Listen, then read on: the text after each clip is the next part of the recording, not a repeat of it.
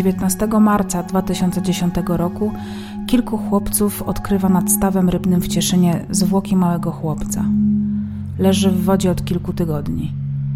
Nikt go nie szuka, nikt za nim nie tęskni. Wkrótce okazuje się, że nie utonął, lecz ktoś odebrał mu życie. Najprawdopodobniej rodzice.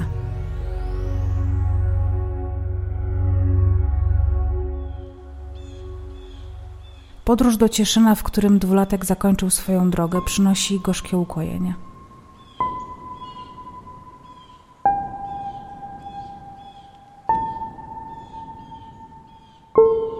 To tutaj został pokochany i zaadoptowany przez jego mieszkańców.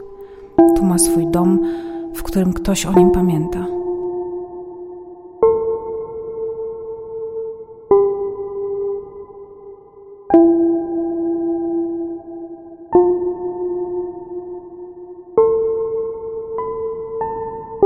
Zapraszam na odcinek o Szymonku, chłopczyku z Cieszyna.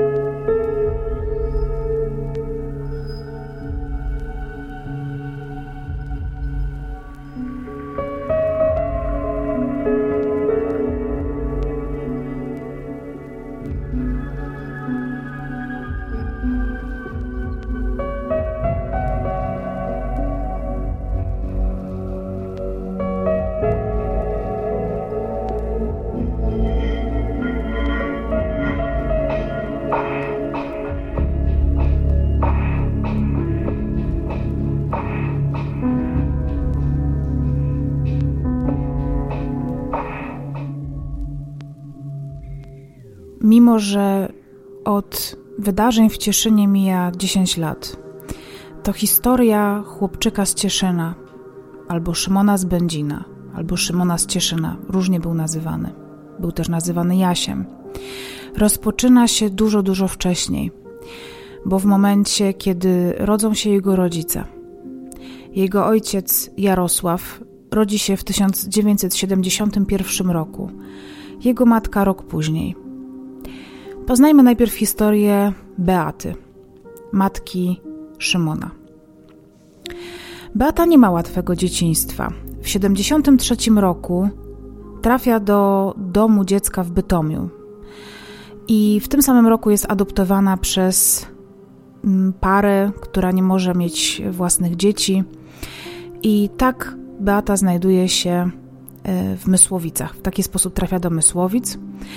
E, to małżeństwo jest bardzo dobre, bardzo zgodne. E, Beata się z nimi bardzo zżywa. Szybko zaczyna nazywać swoich nowych rodziców mam, e, mamą i tatą. Do tej rodziny dołącza dwóch chłopców. Pierwszy z nich to kuzyn, czy właściwie syn kuzynów, którzy nadużywają alkoholu, i rodzice Beaty mają takie podejście, że skoro wzięli obce dziecko, to tym bardziej muszą zająć się dzieckiem pochodzącym z tej samej rodziny. Dalekiej, bo dalekiej, ale jednak rodziny.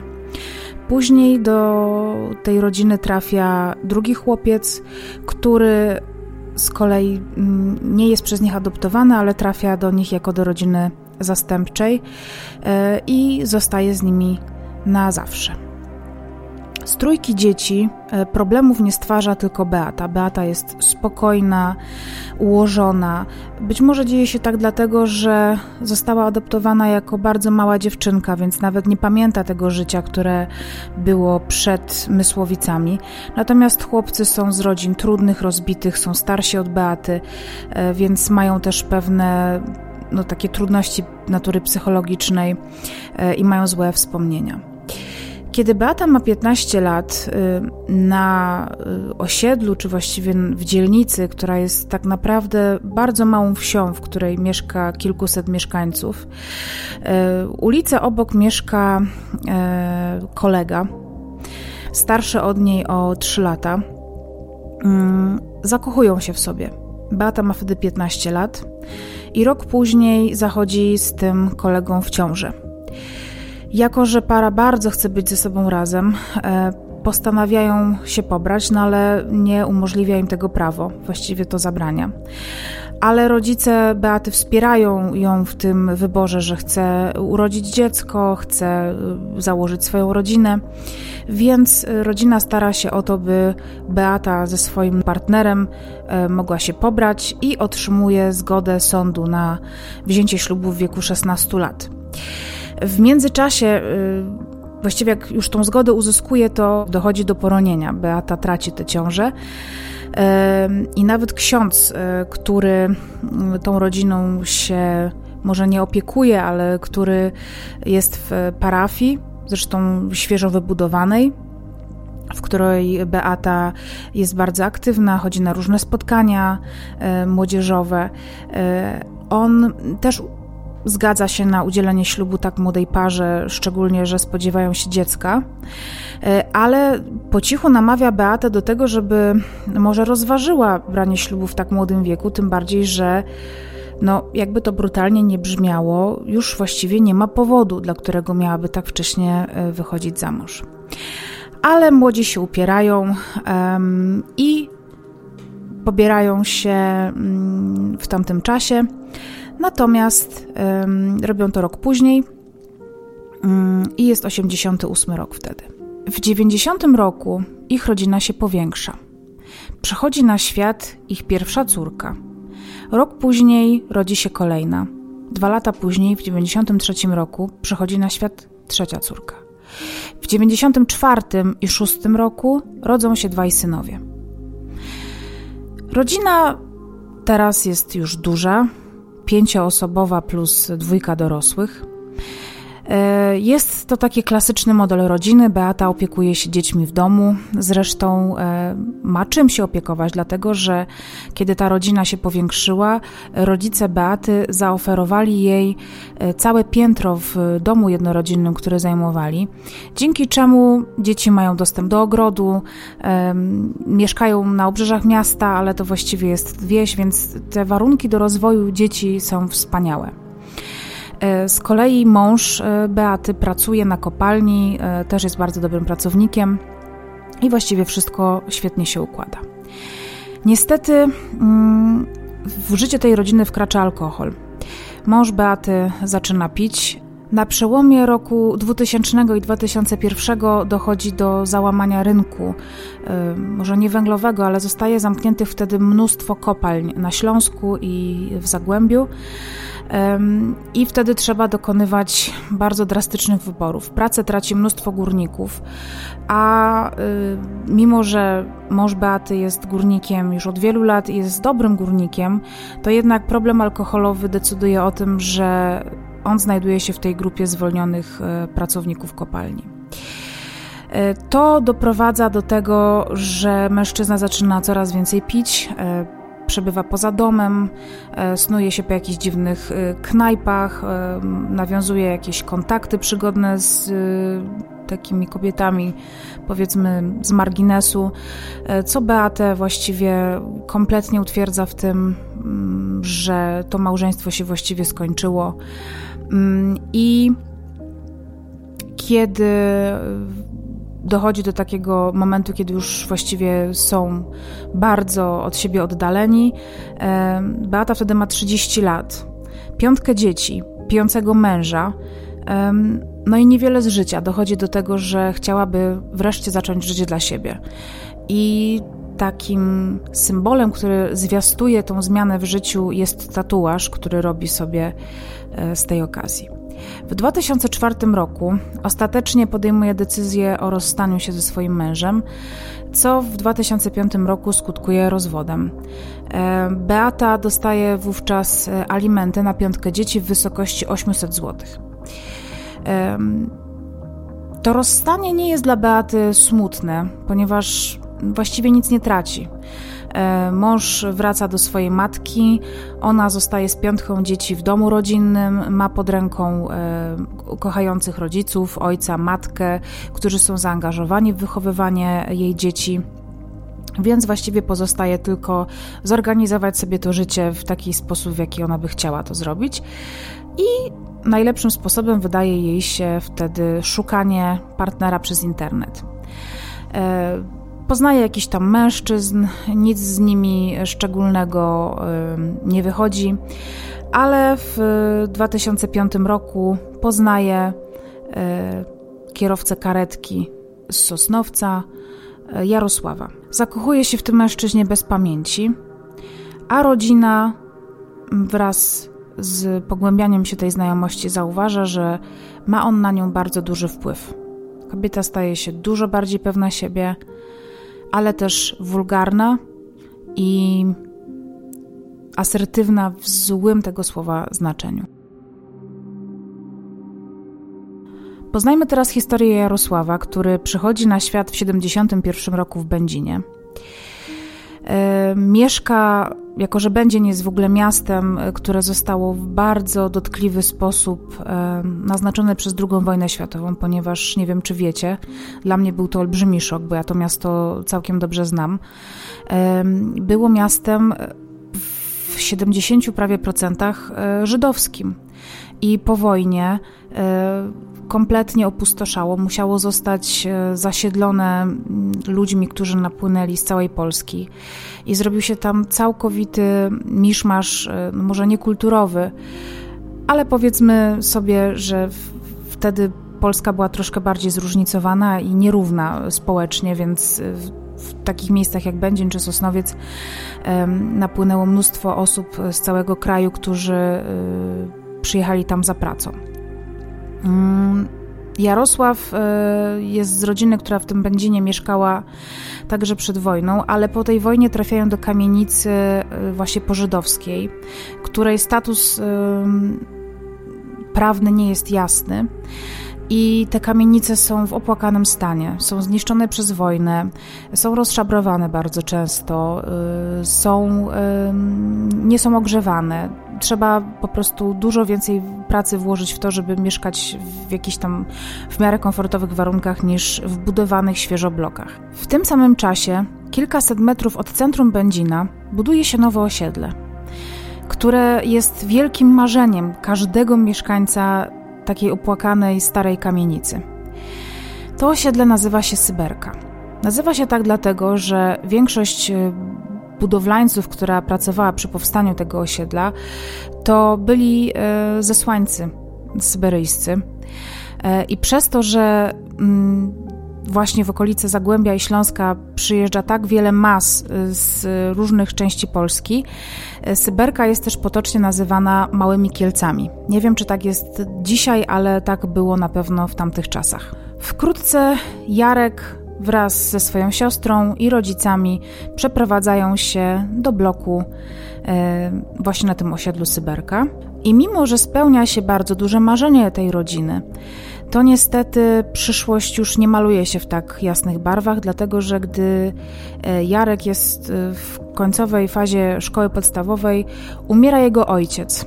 Niedługo później za mąż wychodzi jego siostra, i takim oto sposobem Jarek zostaje w tym wymarzonym mieszkaniu sam ze swoją mamą. Trafia do wojska, później po tym wojsku dostaje pracę jako kierowca w zakładzie pogrzebowym, gdzie pracuje przez wiele, wiele lat i jest szanowanym i dobrym pracownikiem. E, jest też uważany za świetnego kierowcę, ale po kilku latach pracy e, jego przełożony mm, na napotyka właściwie na taką bardzo dziwną sytuację, mianowicie wchodzi do biura, w którym zazwyczaj Jarosław przebywa. Mm, Jarosław w tym samym czasie jest związany z jedną z kobiet pracujących y, w tym zakładzie pogrzebowym. E, I ten szef, wchodząc do, do tego biura, widzi, jak Jarosław y, bije tą kobietę, uderza ją, szarpie nią. E, po prostu między tą parą dochodzi do jakiejś awantury, no jednak szef jest świadkiem rękoczynów e, i nie pozostawia tej sytuacji bez echa, e, zwalniając e, agresywnego pracownika i to zachowanie bardzo go dziwi i kompletnie nie przystaje do tego, czego się spodziewał po wieloletnim pracowniku. Po zakładzie pogrzebowym Jarosław trafia do pogotowia w Sosnowcu. I tam poznaje kobietę, z którą wiąże się zaręcza się z nią i tworzą rodzinę, właściwie taką patchworkową, dlatego że kobieta ma dwóch synów. Jarek z racji tego, że marzy o rodzinie i chce ją założyć, e, a tutaj właściwie ma do tego okazję e, od razu wejść w, tą, w tę rolę ojca, przejmuje takie obowiązki i pomaga tej kobiecie wychowywać jej synów. Kobieta szybko orientuje się, że jej podejście do wychowania, a podejście do wychowania jej konkubenta jest dość y, różne. Przede wszystkim dlatego, y, że Jarosław ma taki styl mm, zarządzania twardą ręką, y, stosuje wobec chłopców musztrę. Mm, jednego z nich, który jest młodszy, gnębi szczególnie, dlatego że y, no, kiedy ten odrabia lekcje, Jarek potrafi wejść do pokoju, rzucać jego zeszytami. Chłopiec ma też lekką nadwagę, czego Jarosław nie jest w stanie zaakceptować i zrozumieć. E, chłopak też musi zasługiwać na wszystko, co go w życiu spotyka, łącznie z jedzeniem. I zdarza się tak, że nie jada śniadań, jeśli na nie nie zasłuży poprzedniego dnia. Dochodzi też w pewnym momencie do aktów, bo to taka, mamy tutaj taką sytuację typowej przemocy domowej, psychicznej, e, ale ta przemoc psychiczna e, wkrótce przeradza się w fizyczną. I Jarek zaczyna wobec chłopców e, stosować kary cielesne. Zazwyczaj bije ich po twarzy, po głowie, ale pewnego dnia na tym synu młodszym wyżywa się w taki sposób, że chłopiec e, trafia e, do szpitala po tym pobiciu. Mm, I jego matka dzwoni na policję, e, składa zawiadomienie o popełnieniu przestępstwa, czy tam za, zakłada, nie wiem, sprawę, nie wiem jak to wyglądało w tamtych czasach Jarosławowi, ale wkrótce wycofuje te zeznania, wycofuje tę, nie wiem, skargę, dlatego że zależy jej na tym, żeby e, ten związek z Jarosławem e, jednak dalej trwał i ona to poczytuje sobie jako po prostu jakiś taki wypadek przy pracy. E, ale tych sytuacji jest coraz więcej, w których mężczyzna traci kontrolę nad sobą, e, wobec tych chłopców stosuje jeszcze, jeszcze większą przemoc e, i kobieta ucieka przed nim wielokrotnie i właściwie zazwyczaj wtedy nie ma się gdzie podziać, więc korzysta z jakichś takich przytułków i to skutkuje tym, że jeden z synów e, ucieka w pewnym momencie do swojego ojca i chce z nim mieszkać. I tak się zresztą staje nawet po tym, kiedy matka chłopców rozstaje się z Jarosławem, e, bo chłopiec ma już tak dużą traumę, że nie jest w stanie dalej żyć z matką po tak traumatycznych przeżyciach. E, zaczyna się też leczyć psychiatrycznie, ma uporczywe myśli samobójcze i nie jest w stanie zapomnieć o swoim, powiedzmy, ojczymie. Kiedy ten związek Jarosława się rozpada, mężczyzna zaczyna szukać e, miłości po raz kolejny i tak trafia na kobietę, z którą wiąże się dość szybko i bierze ślub. Ale to małżeństwo nie trwa długo i para się rozwodzi. E, więc Jarek znowu pozostaje w tym miejscu, w którym zaczynał tuż po wyjściu z wojska. Te poszukiwania kobiety życia Jarosław e, urozmaica sobie powiedzmy szukaniem pracy i w taki sposób dostaje pracę przedstawiciela handlowego jednego z producentów lodów. Mamy 2006 rok, w którym Jarosław poznaje nową dziewczynę, w dodatku praktycznie swoją sąsiadkę z Syberki. Jest to młoda dziewczyna, z którą Jarosław zaczyna się coraz częściej umawiać, e, a ich znajomość przechodzi już na taki, powiedzmy, poziom intymności, że kobieta bardzo szybko zachodzi w ciążę.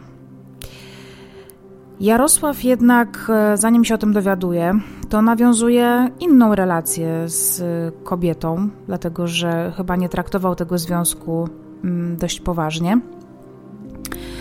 E, I z tą kobietą e, zaczyna też i współżyć, e, i się dość często spotykać. I tak dochodzi do takiej sytuacji, kiedy ta druga kobieta również zachodzi w ciążę. No i mężczyzna staje przed nie lada wyborem, którą kobietę i właściwie które dziecko wybrać. Matka Jarosława, która również mieszka na tym samym osiedlu, co ta pierwsza kobieta, która zachodzi z nim w ciążę, dowiaduje się o tym, że zostanie babcią od y, pań z osiedla, które doskonale wiedzą kto, co, kiedy, z kim i jak.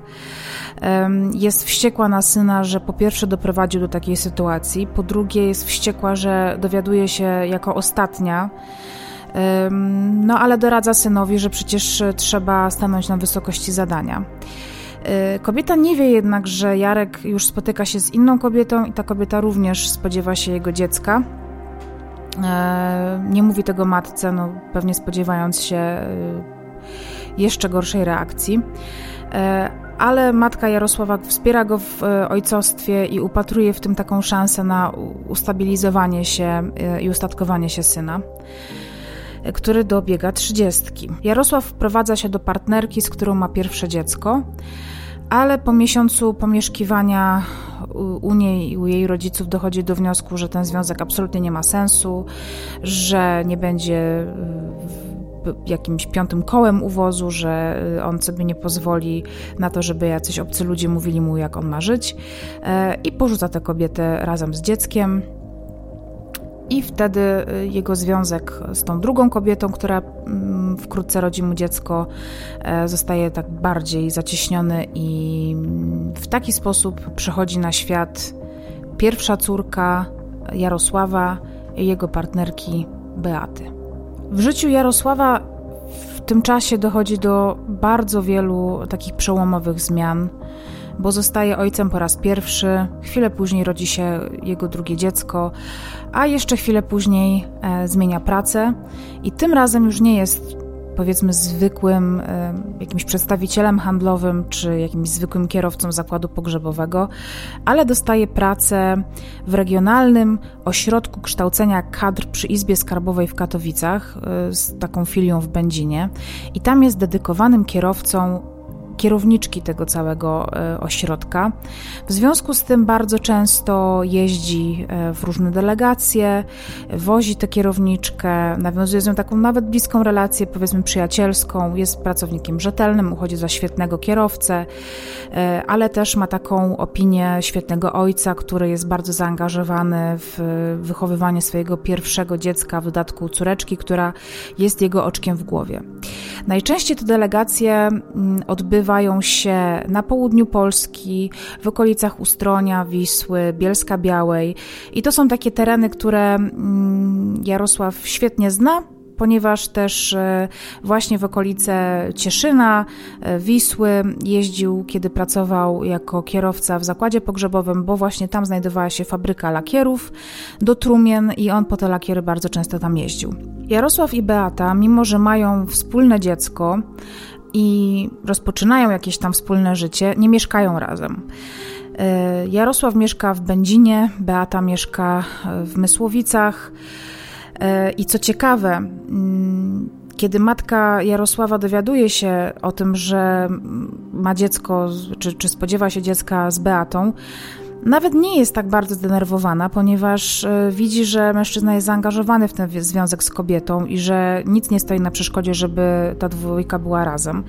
Ale kobieta nie ma zielonego pojęcia o tym, że Beata e, ma jeszcze piątkę dzieci. Także jej mysłowickie życie pozostaje dla mieszkańców Będzina związanych z jej życiem, powiedzmy, będzińskim, kompletną tajemnicą. Ich rzeczywistość wygląda tak, że Jarosław, kiedy może, to po pracy jedzie do Mysłowic służbowym samochodem, którym dysponuje, ponieważ kierowniczka tego ośrodka ufa mu i bardzo go lubi. E, a Beata z kolei wyjeżdża na weekendy do Będzina, gdzie poznaje właśnie swoją powiedzmy teściową, e, a że to mieszkanie, w którym mieszka, jest całkiem mm, spore, no bo mieszka tam tylko Jarek i, i, mama. To mieszkanie jest trzypokojowe. E, Beata z dzieckiem może tam liczyć na cichy, e, pojedynczy pokój, w którym może spokojnie sobie odpoczywać z małym dzieckiem. No, to upatruje w tym Będzinie taką swoją powiedzmy przyszłość, dlatego że Mysłowice to jest dom, to jest piątka dzieci, to są schorowani starsi rodzice. Ten dom jest nawet przez Ewę Winnicką w książce Był sobie chłopczyk, y, którą Wam serdecznie będę tutaj polecać pewnie z 200 razy podczas tego podcastu. To Ewa Winnicka pisze o tym domku jako bieda domek i to jest taki domek prawdopodobnie opuszczony, y, zaniedbany, pewnie z bardzo małym albo z brakiem w ogóle funduszu remontowego. Jesteśmy sobie w stanie taki domek wyobrazić. Y, ja w każdym razie jestem. Y, więc dla Beaty przeskok do tego przytulnego, ciepłego mieszkanka w centrum Będzina jest po prostu czymś fantastycznym, bardzo komfortowym. Więc kobieta zaczyna sobie planować życie tak, żeby zrobić wszystko, żeby do tego Będzina się przeprowadzić. No ale nie przeprowadzi się z piątką dzieci, e, już takich podrastających i nastoletnich, bo trzy córki Beaty już mają e, kilkanaście lat. Beata bardzo koncentruje się na swoich planach dotyczących przyszłości, do tego stopnia, że zaczyna zaniedbywać swoje dzieci. Chciałam powiedzieć pierwsze dzieci, ale trudno mi tak o tych dzieciach mówić. E, jedna z jej córek, 14-letnia, e, zaczyna prowadzić takie życie dość ryzykowne. Zaczyna pić alkohol, dużo imprezuje, spotyka się z takim dziwnym towarzystwem, nie wraca na noc, e, nie ma absolutnie żadnych ograniczeń, nie uczy się, opuszcza szkołę, są z nią bardzo duże problemy. Beata w żaden sposób nie reaguje na takie zachowanie córki. Rodzice Beaty bardziej angażują się w wychowywanie jej własnych dzieci niż ona sama. Ale też Jarek, jako że miał takie zawsze zapędy ojcowskie, właściwie zaczyna się angażować w to wychowywanie córek Beaty e, dość znacznie. Do tego stopnia, że pewnego dnia, kiedy akurat jest e, w Mysłowicach i jest dzień roboczy, bo mężczyzna ma albo zwolnienie, albo ma wolny dzień, widzi, że jedna z tych córek e, nie idzie do szkoły, właśnie ta 14-letnia, ale nie idzie do szkoły dlatego, że ma na jakąś późniejszą godzinę, generalnie miała dobre zamiary. I on widzi, że ta dziewczyna jest w domu rano i zaczyna z nią w przykry sposób rozmawiać, zaczyna ją wyzywać. Kiedy dziewczyna broni się, czy tam odpyskowuje mu, on uderza ją w twarz. I kiedy dziewczyna nadal nie, nie poddaje się mężczyźnie, ten zaczyna ją bić do tego stopnia, że powala ją na podłogę i kopie ją po całym ciele. Jaka jest reakcja Beaty, która jest świadkiem tej sytuacji? Beata sprawdza tylko, jak dotkliwe y, rany ma córka, żeby zastanowić się, czy warto wzywać pogotowie i robić e, wszystkim problem.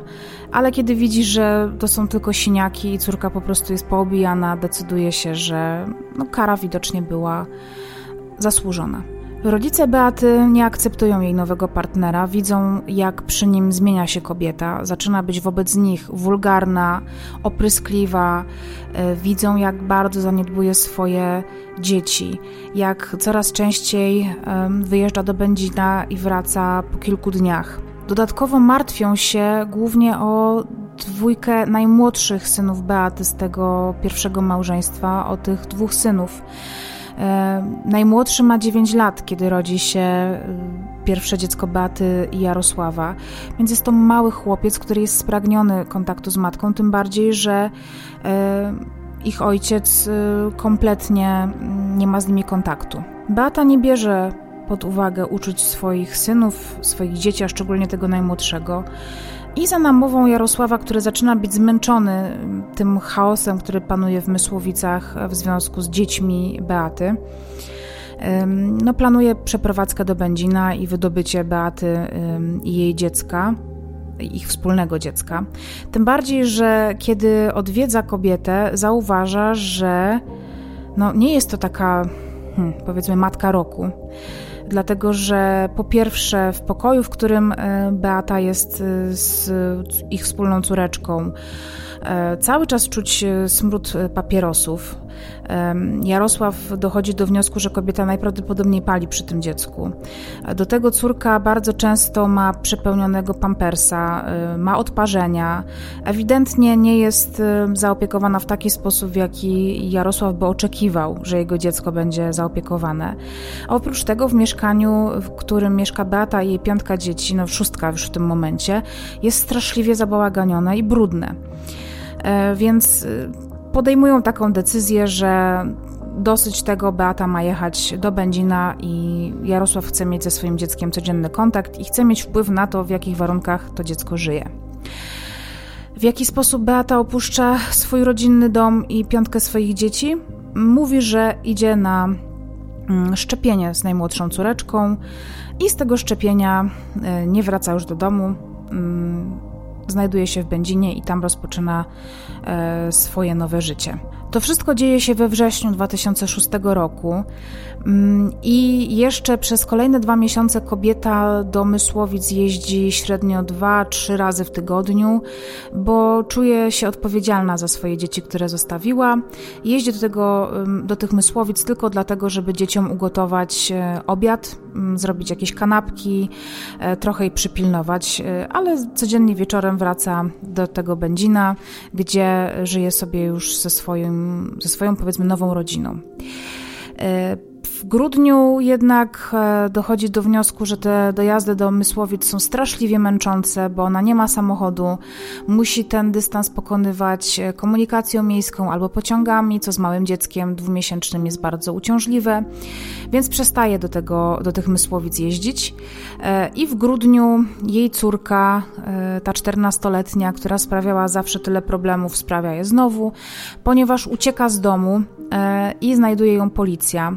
Policja chce dotrzeć do e, matki dziewczyny, ale nie może, bo nie ma jej w tych Mysłowicach. I kiedy jakiś funkcjonariusz policji po raz kolejny odwiedza to mieszkanie e, w Mysłowicach, akurat wtedy znajduje się w nim Beata. Jest to jedyna szansa e, służb na rozmowę z matką dziewczyny.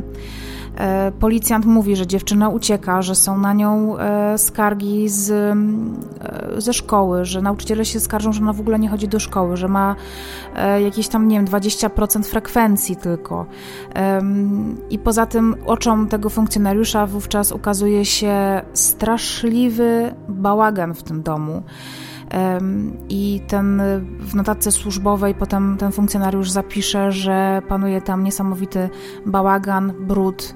E, mieszkanie jest wręcz zdewastowane. E, są tam e, zniszczone meble, powyrywane drzwi, są spiętrzone i niewyrzucone od wielu dni lub tygodni nawet śmieci. Jest wszędzie smród papierosów, a żadne dziecko nie jest w tym domu pełnoletnie. Tam po prostu wciąż są dzieci. Beata deklaruje, że zajmie się tym, tą sprawą, że dopilnuje swoich e, pociech um, i że posprząta ten dom. Ale jak tylko policjant e, wychodzi z tego mieszkania, Beata pakuje swoje najmłodsze dziecko i jedzie do Będzina. Kiedy przestaje pojawiać się w Mysłowicach już tak zupełnie, jej dwie najstarsze córki postanawiają odwiedzić matkę w Będzinie w jej nowym mieszkaniu. I kiedy e, dostają od matki, czy w ogóle w jakiś sposób dowiadują się, gdzie ona mieszka, e, pukają do drzwi e, i Beata otwiera im te drzwi, ale mówi, że nie mogą wejść, ponieważ jej teściowa się nie zgadza na odwiedziny, co jest nieprawdą, bo teściowa po prostu nie wie o istnieniu jej córek i jej trójki pozostałych dzieci, więc odprawia dziewczyny z kwitkiem i mówi, że nie chce mieć z nimi już nic wspólnego. To, co zaczyna się dziać z dziećmi Beaty w Mysłowicach, to koszmar. E, po pierwsze, dzieci są puszczone całkowicie samopas. E, dziadkowie, schorowani starsi ludzie, w dodatku e, matka Beaty, dowiaduje się o tym, że ma raka i to takiego w bardzo tam zaawansowanym stadium i rokowania nie są dobre i musi się jak najszybciej poddać e, długotrwałemu i wycieńczającemu leczeniu. Pomaga jej w funkcjonowaniu codziennym ojciec Beaty, czyli dziadek dzieci, który mieszka na parterze. I dzieciaki nie mają nad sobą żadnego dorosłego, robią co chcą, sprowadzają do domu bardzo różnych ludzi. e, chodzą brudne, chodzą głodne, zaczynają być agresywne i wulgarne wobec swoich dziadków, próbują wielokrotnie włamać się do ich mieszkania, e, kopią w drzwi. I Ewa Winnicka w swojej książce opisuje, że te dzieci są spokojne tylko w jednej sytuacji, e, mianowicie takiej, kiedy są głodne, bo wtedy muszą się dobrze zachować, żeby dziadkowie wpuścili ich do domu i nakarmili ich. Dziadkowie zajmują się w ogóle utrzymaniem też tych dzieci, dlatego że Beata, mimo że pobiera alimenty, to bierze je dla siebie i nie dzieli się nimi z dziećmi. Mm, ta sytuacja, która panuje w domu, e, doprowadza dziadków dzieci do takiej bardzo trudnej sytuacji, w której podejmują decyzję o tym, że chcą te wnuki eksmitować dla własnego bezpieczeństwa. Po prostu zaczynają się tych wnuków bać. Dziećmi też e, coraz bardziej interesuje się szkoła, e, która przede wszystkim zwraca uwagę na to, że dzieci mają bardzo duże problemy z nauką, nie pojawiają się w szkole. E, matka absolutnie nie reaguje na żadne wezwania, ojciec to samo. I sprawa trafia do sądu rodzinnego, który w trybie natychmiastowym nakazuje piątkę dzieci Beaty umieścić w placówkach wychowawczych. Y, które niestety są przepełnione, dlatego te dzieci jeszcze u dziadków przez kilka miesięcy funkcjonują w takiej patologicznej sytuacji. Y, w końcu trafiają do domów dziecka. Y, trzy siostry trafiają do jednego domu dziecka, dwóch braci do innego. Jednak wychowawczynie z tego mm, ośrodka, w którym znajdują się dziewczyny, zauważają, że one mają na siebie wszystkie zły wpływ, to znaczy trzymają się razem, no bo są siostrami, a według e, nie wiem czy tylko polskiego prawa, ale jest taka zasada przy adopcjach, że nie powinno się rozdzielać rodzeństwa. E, ale w tym przypadku dwie starsze siostry mają bardzo destrukcyjny wpływ na młodszą siostrę, na, na tę najmłodszą, jakby z tego rodzeństwa dziewczynkę, która też zaczyna się opuszczać w nauce, przestaje chodzić do szkoły. Co prawda nie ma tak gigantycznych zaległości e, jak e, te starsze, ale ta równia jest pochyła. Sąd podejmuje decyzję dość brutalną o rozdzieleniu sióstr i tak się zresztą dzieje. Na każdej rozprawie sądowej w sprawie dzieci Beaty i jej pierwszego męża żadny z rodziców się nie stawia. Nie stawiają się również w sytuacji, w której e, zostaje im odebrane, e, zostają im odebrane prawa rodzicielskie do całej piątki dzieci. Mimo, że te prawa zostają Beacie odebrane, to wychowawczynie chłopców, szczególnie ze względu na tego młodszego, dziewięcioletniego wówczas, kiedy Beata opuszcza dom e, w Mysłowicach, e, one kontaktują się z Beatą i proszą ją, żeby synów odwiedziła, dlatego że dla tak małych dzieci e, ten kontakt z matką, z którą się wychowywały przez póki co lwią część swojego dzieciństwa, no jest bardzo istotny. I Beata od niechcenia do tego domu dziecka mm, przychodzi dwa razy w ciągu roku. E, I te wizyty są krótkie, lakoniczne i pozbawione jakichkolwiek emocji. Kiedy odwiedza synów e, drugi raz w tym 2007 roku, e, oni jeszcze tego nie wiedzą, bo Beata jest bardzo drobną kobietą, ale spodziewa się drugiego dziecka, które będzie miała z Jarosławem, a w sumie swojego siódmego dziecka. E, w kwietniu 2008 roku na świat przychodzi e, ich pierwszy wspólny syn, e, trzeci syn Beaty. Ma na imię Szymon, jest wcześniakiem, rodzi się dwa miesiące za wcześnie. Jest dzieckiem bardzo chorowitym, nie wiadomo czy przeżyje, ma problemy z oddychaniem, jest w inkubatorze mm, i dopiero do domu rodzinnego trafia pod koniec maja 2008 roku.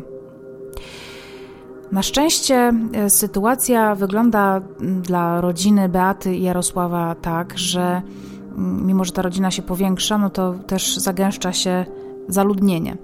E, jako, że na tej Syberce zaczyna im brakować miejsca, e, Jarosław ma swojego wujka, który mieszka na ulicy Piłsudskiego 8 w centrum Będzina. E, nie jest tym wujkiem jakoś specjalnie zżyty, mimo że noszą to samo nazwisko. E, I dowiaduje się, że w tej kamienicy jest kilka lokali do wynajęcia, takich mieszkaniowych. I wujek poproszony przez Jarka, prosi właściciela tej kamienicy, czy tam jakiegoś administratora o to, żeby to mieszkanie, jedno z tych mieszkań wynajął właśnie swojemu krewniakowi za którego on ręczy. No i tak, e, takim oto sposobem w 2008 roku rodzina e, Beaty, Jarosława i małej e, córeczki oraz synka trafia do mieszkania na ulicy Piłsudskiego 8.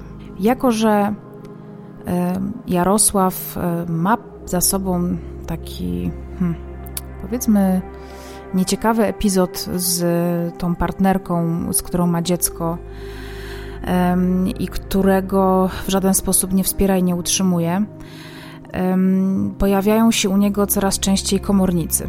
E, więc para decyduje się na to, żeby właściwie z zasady nie otwierać nikomu drzwi, nie odbierać telefonu, nie przyjmować zbyt wielu gości. I tak w tym mieszkaniu przez kilka lat na Piłsudskiego 8 właściwie pojawiają się te same osoby, a jest ich bardzo niewiele. Raz odwiedza ich wujek z góry, który przychodzi zobaczyć rodzinę y, swojego, y, tam powiedzmy, nie wiem, jakiegoś siostrzeńca czy dalekiego kuzyna. Y, chce też poznać jego dzieci ale ta wizyta jest taka osła, nic się nie klei, nic o sobie nie wiedzą, więc dlaczego mają nagle być jakąś zgraną rodziną? Odwiedza ich też raz siostra Jarosława i dwa razy wpadają tam na Piłsudskiego córki Beaty. Mm, I właściwie więcej gości się w tym mieszkaniu nie pojawia. Jedyną osobą, która w tym mieszkaniu pojawia się stale, jest matka Jarosława, która po pierwsze Mieszka w tym samym mieście, to dość blisko. E, pieszo do tego mieszkania ma dosłownie 15, może nawet mniej minut. E, po drugie, kobieta e, traktuje dzieci Jarka i Beaty jako swoje jedyne wnuczęta i właściwie pierwsze wnu wnuki, więc jest bardzo zaangażowana w opiekę nad nimi. No i też dzięki jej zaangażowaniu Jarosław i Beata mogą pracować. Jako, że ta sytuacja finansowa tej rodziny nie jest ciekawa, Jarosław e, stara się o to, żeby Beata mogła dostać pracę w firmie, w której on sam pracuje. I takim oto sposobem Beata dostaje pracę jako sprzątaczka w tym ośrodku regionalnym, o którym mówiłam wcześniej. E, I mimo tego, że Jarek ma świetną opinię w tym miejscu pracy, to Beata już taką się nie cieszy. Jest niesumienna, niedokładna, wpływają na nią różne skargi, nie dogaduje się z personelem. I na horyzoncie rodziny pojawia się kolejny problem. Mianowicie taki, że 2 stycznia 2009 roku y, Szymon, czyli syn Beaty i Jarka, zaczyna mieć bardzo duże problemy z lewą ręką płacze, kiedy się tej ręki dotyka, płacze, kiedy się nią rusza. No i rodzice udają się z nim do szpitala w Sosnowcu, takiego szpitala pediatrycznego. E, I tam lekarze zauważają, że dziecko jest, e, no, oprócz tego urazu ręki niewiadomego pochodzenia, który właściwie mógł ten uraz powstać podczas podnoszenia chłopca tak nieumiejętnie za ręce, e, ta rączka po prostu mogła zostać wyrywana ze stawu, co jest bardzo bolesne. Ale lekarze przede wszystkim widzą, że dziecko nie rozwija się prawidłowo, jest dużo mniejsze, nie rośnie, nie przybiera na wadze, wygląda na odwodnione. I po badaniach, e, które są na chłopcu przeprowadzone, lekarze decydują się, że warto chłopca diagnozować e, w kierunku choroby nowotworowej, dlatego że no, jest w tak nieciekawym stanie, że na ten stan mogłaby tylko wskazywać e, jakaś choroba nowotworowa, która bardzo, bardzo obciąża organizm. Przez to rodzina spędza coraz więcej czasu w szpitalu w Katowicach, bo właśnie tam trafia Szymon. Jarosław bardzo się mm, tym przejmuje, przynajmniej tak twierdzą pracownicy tego ośrodka, w którym on jest zatrudniony. Jarosław cały czas opowiada o chorobie dziecka. Jego szefowa daje mu bardzo dużo e, wolnego czasu, udostępnia mu samochód służbowy, mówi, że spokojnie może z niego korzystać, kiedy potrzebuje, przecież tu chodzi o zdrowie jego dziecka. E, Jarosław też korzysta z takiej pomocy finansowej to się chyba nazywa kasa zapomogowa, więc bierze jakieś tam różne świadczenia na rzecz właśnie swojego dziecka, które jest w szpitalu. Stan chłopca nieco się poprawia, ale rodzice szybko zauważają, że Szymon nie rozwija się tak szybko, jak rozwija się jego starsza siostra. E, nie umie jeszcze chodzić, kiedy ma roczek. W dodatku jest taki mało bystry, zawiesza się, jest taki mm, ciapowaty co chwilę mu coś wypada, e, kiedy on sam się przewraca, to się nie podnosi. Mm, no i ten stosunek rodzice do Szymona zaczynają mieć taki bardzo lekceważący, e, przy jednoczesnym faworyzowaniu jego starszej siostry. Dochodzi też w domu do takiego wypadku, w którym e, Szymon podczas zabawy z siostrą doznaje poparzenia, parzy się wodą pod prysznicem Trudno jest mi sobie to wyobrazić, ale zdaję sobie sprawę z tego, że w starych kamienicach e, to podłączenie y, do takiej miejskiej sieci wodociągów, gdzie mamy wodę taką z węzła ciepłowniczego, pewnie nie występuje we wszystkich kamienicach. E, ja sama mieszkałam w kilku i wszędzie był albo boiler, albo Junkers, więc e, podejrzewam, że właśnie w taki sposób mogło dojść do tego poparzenia. Jarosław zaczyna być zirytowany swoim synem, który nie jest taki, jak on oczekiwałby, że jego syn będzie. Zdecydowanie faworyzuje swoją starszą córeczkę, natomiast Szymona zaczyna no, wychowywać tak, jak próbował wychować synów swojej poprzedniej narzeczonej. E, bije go, e, uderza go po rękach, po pupie, mm, popycha, poniża. Kiedy Szymon ma niewiele ponad rok, rodzice postanawiają go odpieluchować i zaczynają zmuszać go do mm, oddawania no, swoich potrzeb fizjologicznych na nocniku. Wygląda to w ten sposób, że sadzają go gołego na tym nocniku i zamykają go w łazience na tak długo, żeby wreszcie e, zrobił do tego nocnika siku e, czy kubkę. Chłopiec tego nie robi. Poza tym ma duże problemy z no, układem trawiennym, ponieważ bardzo często ma biegunki, boli go brzuch, więc dziecko często płacze. E, babcia chłopca jest przeciwna tym metodom i zauważa, że dziecko często od tego siedzenia na nocniku po prostu ma, no, no, może nie odleżyny, ale ma wręcz siniaki na udach. I te siniaki na ciele Szymona pojawiają się coraz, coraz częściej. Kiedy e, rodzice Szymona wraz z dzieckiem trafiają na taką rutynową kontrolę do szpitala e, w Sosnowcu, ponieważ e, dalej z tą ręką jest jakiś problem, lekarz, który go bada, widzi siniaki, jakieś otarcia na jego ciele i postanawia zainterweniować, więc rozmawia z rodzicami, z każdym oso z osobna, no i zadaje rodzicom pytania o to, czy używają wobec y, swojego dziecka mm, przemocy fizycznej, czy stosują wobec tego dziecka przemoc fizyczną. Oboje oczywiście zaprzeczają, mówią, że Szymon jest dzieckiem takim właśnie fajtłapowatym, że uczy się obecnie chodzić, że obija się o meble, w dodatku w tym mieszkaniu jest jeszcze inne dziecko, więc czasami trudno jest upilnować dwójki małych dzieci, które po prostu poznają świat i stąd te wszystkie siniaki i otarcia na ciele Szymona. Temat przemocy wobec Szymona znika. Mimo, że rodzina ma spore problemy finansowe, to Beata w 2009 roku jest w kolejnej ciąży. Kiedy na świat przychodzi ich e, trzecie dziecko, córeczka tym razem, e, rodzina korzysta z możliwości, e, jakie oferuje im MOPS, i zgłasza się po kilka zapomóg do Miejskiego Ośrodka Pomocy Społecznej, między innymi o e, jakąś tam zapomogę dla rodziny wielodzietnej oraz o dofinansowanie do czynszu e, do mieszkania i otrzymują te świadczenia. Tymczasem rodzina Beaty jeszcze bardziej się powiększa, bo w 2009 roku, rok po tym, kiedy rodzi swojego pierwszego syna z Jarkiem i swoje ósme dziecko, zostaje potrójną babcią, ponieważ każda z jej córek z poprzedniego małżeństwa zostaje matką. Najstarsza w wieku 19 lat, druga 18, trzecia 16.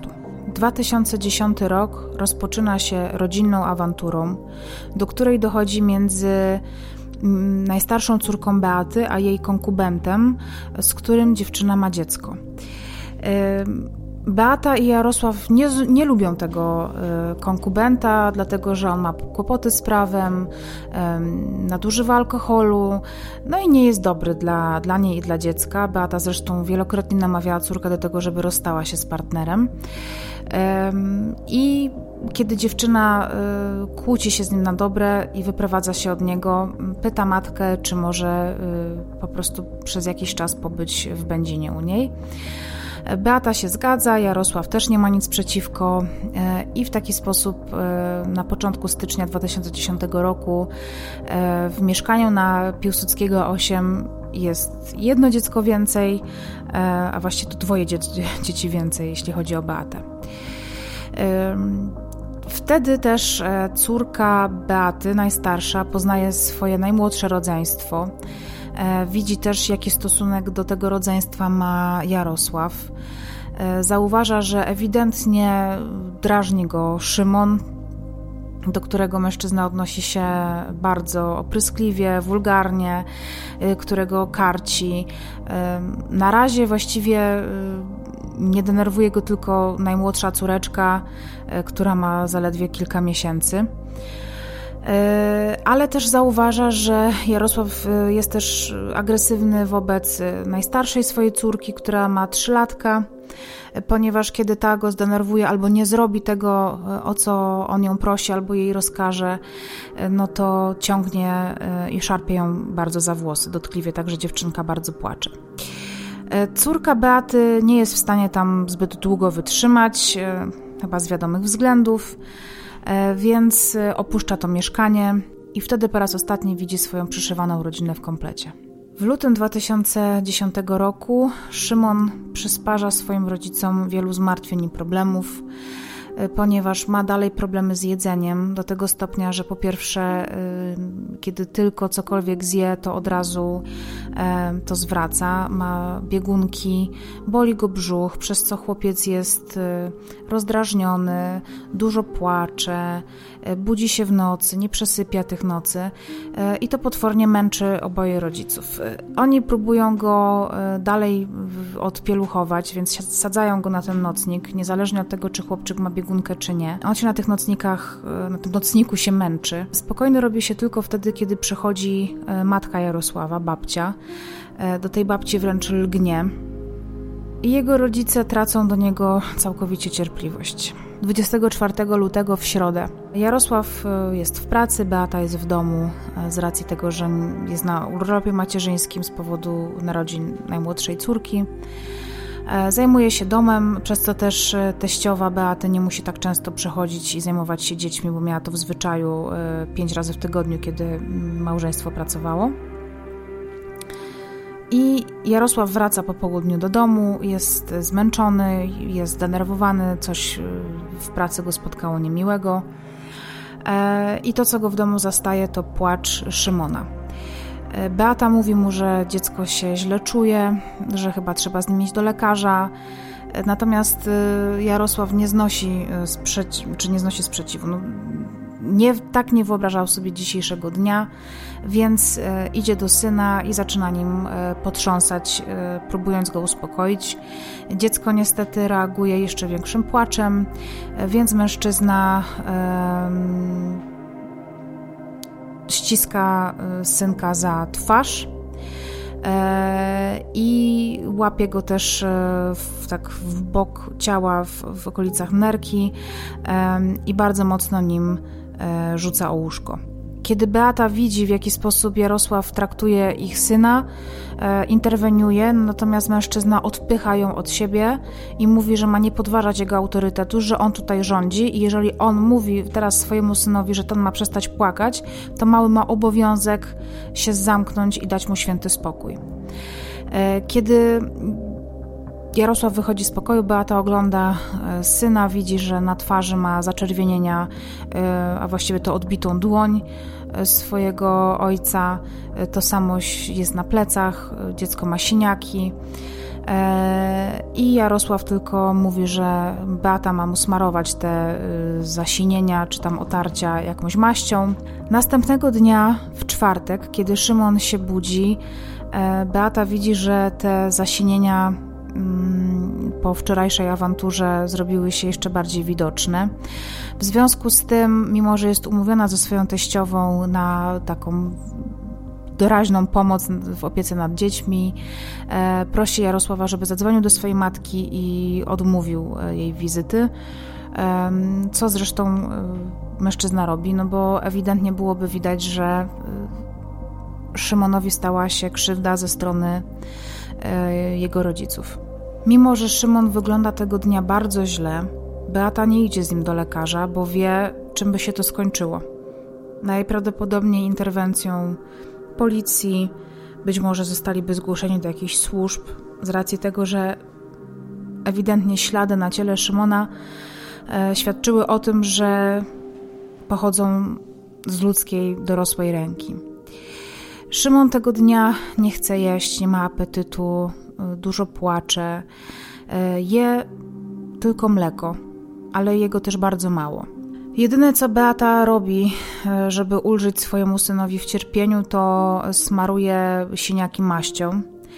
Ale kiedy po południu z pracy wraca Jarosław i widzi, że dziecko jest w złym stanie, postanawia zareagować, bo uznaje, że wszystkie dolegliwości, jakie Szymon ma, powstały dlatego, że dzień wcześniej w Biedronce Beata kupiła egzotyczny owoc, pomelo, i najprawdopodobniej, jako że wcześniej go nie jadła, to nie obrała tego pomelu ze skórki i chłopiec zjadł ten owoc ze skórką. A jeżeli ktokolwiek z Was jadł pomelo, podejrzewam, że większość, e, to wie, że ta skórka jest y, kilkucentymetrowa. Czasami się zdarza nawet dwucentymetrowa skórka z pomelu, więc raczej nie sądzę, żeby można było się pomylić.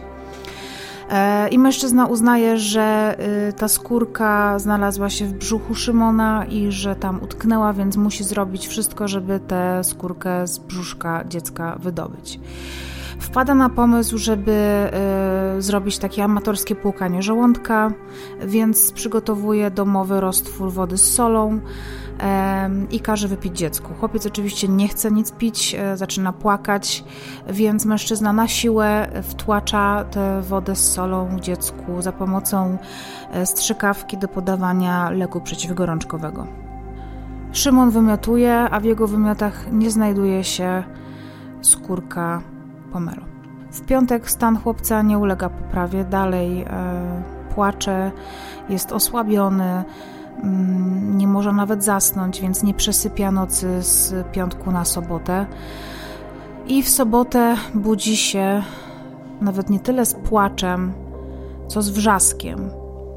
Przychodzi do rodziców, e, staje na środku pokoju i krzyczy. Widać, że jest bardzo wielkim bólu, po prostu, że cierpi. E, Jarosław nie uznaje czegoś takiego jak e, krzyk czy płacz, więc zaczyna na chłopca sam wrzeszczeć, e, każe mu się zamknąć, zwraca się do niego słowami zamknij się gnoju. Używa też przekleństw, ale ja niekoniecznie chcę je tutaj przytaczać. Mm, I chłopiec oczywiście, jak łatwo się domyślić, nie reaguje na te wrzaski ojca. Jarosław w tej sytuacji ucieka się do swojego sposobu, jakim jest potrząsanie dzieckiem, więc łapie swojego synka i zaczyna nim e, wręcz trzepać. E, kiedy płacz Szymona nie ustaje, mężczyzna uderza z całej siły chłopca pięścią w brzuch. Ku jego zdziwieniu, dziecko zaledwie kuli się, ale nie przestaje płakać. Płacz Szymona ustaje dopiero po kilkunastu czy kilkudziesięciu minutach, kiedy chłopiec pada z wycieńczenia na łóżko i zasypia. Beata zauważa, że na twarzy Szymona pojawiła się krew. Prawdopodobnie w momencie, w którym albo Jarosław potrząsał synem, albo w momencie tego uderzenia w brzuch, choć to wydaje się jej przypuszczeniom mało prawdopodobne, bo brzuch jest dużo niżej niż twarz. Chłopiec ma rozciętą wargę, a ślady jego krwi znajdują się na podłodze w dużym pokoju. E, I tę krew Jarosław postanawia zetrzeć czym prędzej, tym bardziej, że e, za chwilę ma przyjść jego matka, bo w soboty w taki sposób pomaga swojemu synowi i synowej, że robi dla nich zakupy spożywcze i przynosi im je pod drzwi na ulicę Piłsudskiego. I tak się też dzieje. E, babcia przychodzi. Mm, jako, że już jest za późno, żeby odwołać tę jej wizytę, ponieważ para też no, na niej korzysta, dlatego że ma żywność za darmo, mm, to y, postanawiają Szymona zamknąć w pokoju. Na szczęście dziecko śpi e, i nie pokazywać go kobiecie, która no, musiałaby już zauważyć, że z dzieckiem jest coś bardzo, bardzo nie w porządku ale żeby jak najszybciej pozbyć się kobiety z domu, są dla niej oschli, nie rozmawiają z nią zbytnio, nie zachęcają jej też do rozmowy, e, więc kobieta bardzo szybko mm, z tego mieszkania znika e, i nie widzi tego dnia swojego wnuka. Kiedy babcia chłopca mm, opuszcza ich mieszkanie, rodzice decydują się, żeby sprawdzić, co dzieje się z ich dzieckiem. Wchodzą do sypialni, czy tam do pokoju, w którym Szymon zazwyczaj spał i widzą, że dziecko leży spokojnie na łóżku, na plecach, ale zauważają, że ma półprzymknięte oczy, więc nie wiedzą, czy on śpi, czy, czy nie. I kiedy się do niego zbliżają, orientują się, że e, dziecko już nie żyje. Według zeznań, mm, późniejszych zeznań e, pary, Mm, najpierw e, próbuje go ratować e, Beata, wtedy kiedy zeznaje Beata. E, gdy zeznaje Jarosław, twierdzi, że to on próbował syna ratować. Oboje zaczynają się obwiniać o śmierć dziecka. Zresztą wersja, którą ja tutaj opowiadam, jest wersją, która została później potwierdzona przez wyrok sądu, więc dlatego nie opowiadam Wam wersji Jarosława, który twierdzi, że to Beata no, doprowadziła do śmierci Szymona. Nie wzywają pogotowia, dlatego że są pewni, że chłopiec nie żyje, ale też nie zgłaszają tego nigdzie, dlatego że dziecko jest w, tak, e, w takim stanie, że zostaliby z pewnością obwinieni o pozbawienie go życia, co groziłoby im e, karą pewnie 25 lat więzienia. I Jarosław w tym momencie myśli tylko i wyłącznie o tym, że 25 lat więzienia oznacza, że zobaczą swoje córki, kiedy te będą dobiegały trzydziestki. E, więc decydują się nie zawiadamiać żadnych służb. Idą na papierosa. Na tym papierosie zaczynają planować, co tu zrobić mm, z martwym chłopcem. W międzyczasie dziewczynki bawią się w pokoju, czy jedna z nich się bawi, druga jest zbyt mała, żeby w ogóle cokolwiek e, robić. I dochodzą do takiego wniosku, że mają kilka opcji. Pierwsza, wszystkie te propozycje podaje Jarosław. Pierwsza to jest taka, że mają przecież piec kaflowy, więc mogą dziecko spalić w tym piecu. To wydaje się Beacie zbyt brutalne. E, druga opcja to zamurowanie Szymona w piwnicy. E, to z kolei e, nie podoba się Beacie, bo uważa, że jest to takie zbyt ekstrawaganckie, ekscentryczne, nie wiem. Kolejny pomysł, na jaki wpadają, to taki, żeby upozorować porwanie dziecka i nawet zaczynają to planować e, w taki sposób, że e, udadzą się do pobliskiego e, supermarketu, gdzie jest monitoring, tak żeby mieli alibi i żeby było widać, że, że są razem z Szymonem. Zresztą Szymon jeszcze póki co będzie wyglądał jak żywy. I następnie upozorują porwanie, zawiadomią policję, będą płakać przed kamerami i na pewno zostaną uniewinnieni i oczyszczeni z jakichkolwiek podejrzeń. E, co ciekawe, rok później e, właśnie taka, taka sytuacja będzie miała miejsce e, miasto obok, bo w Sosnowcu, kiedy Katarzyna Waśniewska właśnie w taki sposób upozoruje porwanie swojej córki Madzi, która straciła życie z jej rąk właśnie. W końcu Jarosław wpada na pomysł, żeby Szymona porzucić gdzieś przez chwilę zastanawiają się, gdzie to zrobić, ale przede wszystkim w tym momencie goni ich czas, bo muszą to zrobić jak najszybciej.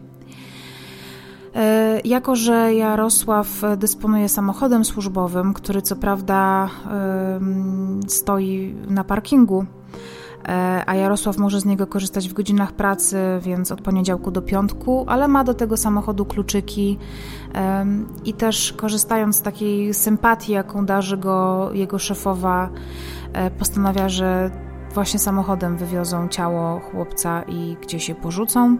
Ale żeby nikt nie zadawał im niepotrzebnych pytań, postanawiają nie informować e, matki Jarosława o tym, że gdzieś wyjeżdżają i prosić ją o opiekę nad córkami, więc decydują się, że córki zabiorą ze sobą e, na tę akcję porzucania zwłok. E, jako, że nie chcą budzić jakichkolwiek podejrzeń, mm, to e, muszą tym samochodem służbowym e, jechać i mieć w tym samochodzie foteliki. Jako, że takimi nie dysponują, zaczynają gorączkowo poszukiwać kogoś, kto ma dzieci, kto jeździ samochodem i te foteliki ma i może im pożyczyć. Jarosław przypomina sobie jakiejś znajomej z pracy, która mieszka w dodatku niedaleko, dzwoni do niej E, i pyta, czy taka możliwość wypożyczenia tych fotolików jest. E, kobieta mówi, że tak, ale rano w niedzielę ich potrzebuje, więc bardzo prosi o pilny zwrot. E, co wydaje się bardzo nieprawdopodobne, ale tak właśnie się dzieje. Kiedy para planuje ukrycie zwłok swojego dziecka, do Beaty dzwoni jej córka, która informuje ją, że tego samego dnia zmarła jej matka na raka w Mysłowicach. E, Beaty to za bardzo nie interesuje, bardzo szybko kończy rozmowę, ale przynajmniej ma wiarygodny pretekst do tego, żeby mm, uwiarygodnić swoją i uzasadnić swoją nagłą e, podróż całą rodziną. E, kiedy postanawiają, że mm, pożyczają te, te mm, foteliki i jadą samochodem gdzieś poza miasto, bo są pewni jednego, że muszą te zwłoki porzucić poza Będzinem. Jarosław rozporządza, zarządza czasem i planuje te wszystkie działania, więc postanawia sprowadzić samochód z parkingu, parkuje go na pobliskiej ulicy Modrzejowskiej, dokąd ma blisko. E, w tym samym czasie mm, Beata przygotowuje się do tego wyjazdu, szuka e, torby, w której może spakować, e, w którą właściwie może włożyć ciało Szymona. Kiedy Jarosław wraca do domu, postanawia, że on zajmie się ubraniem syna. Ubiera go bardzo ciepło, w kilka warstw ubrań. Wkłada mu taką czerwoną, charakterystyczną kurteczkę e, i zakłada mu rękawiczki takie dwupalczaste z taką zabaweczką na samym końcu e, palców. Mm, kiedy już są wszyscy gotowi i ubrani, e, Szymon trafia do torby E, właśnie do pokrowca na takie łóżeczko turystyczne i w taki sposób zostaje wyniesiony z mieszkania. E, to ubieranie Szymona trwa dość długo, dlatego że chłopiec jest bezwładny i to jest dość trudne, ale udaje się to Jarosławowi i cała rodzina popołudniem wychodzi z mieszkania na mm, Piłsudskiego 8 maszeruje do samochodu zaparkowanego przy ulicy Modrzejowskiej, e, podjeżdża kawałeczek tym samochodem do koleżanki Jarosława po te foteliki, montują foteliki w tym służbowym samochodzie i e, wyjeżdżają z Będzina. Wyjeżdżając z miasta, podejmują decyzję, gdzie porzucą ciało. Jarosław przypomina sobie o stawach hodowlanych, które znajdują się na wjeździe do Cieszyna. Jest ich sporo, są na uboczu, ale przy głównej drodze, więc stosunkowo łatwo i szybko będzie można tam podrzucić e, ciało. E, do Cieszyna docierają po godzinie. Jarosław decyduje, że to Beata będzie osobą, która pozbędzie się ciała. E, Beata na początku e, się upiera, że nie chce tego robić, bo jest to dla niej, nie wiem, czy zbyt trudne, czy ona w ogóle nie wie, gdzie to zrobić. E, on straszy ją więzieniem. Parkuje na, co ciekawe, na wjeździe do posesji. Parkują po przeciwnej stronie ulicy, także Beata musi przebiec przez ruchliwą drogę z Szymonem w tej torbie. E, a co ją zaskakuje, to to, że Szymon staje się według niej coraz cięższy, czy jeszcze bardziej ciężki, e, ale już nie jest bezwładny, dlatego że ciało dziecka podczas tej podróży sztywnieje.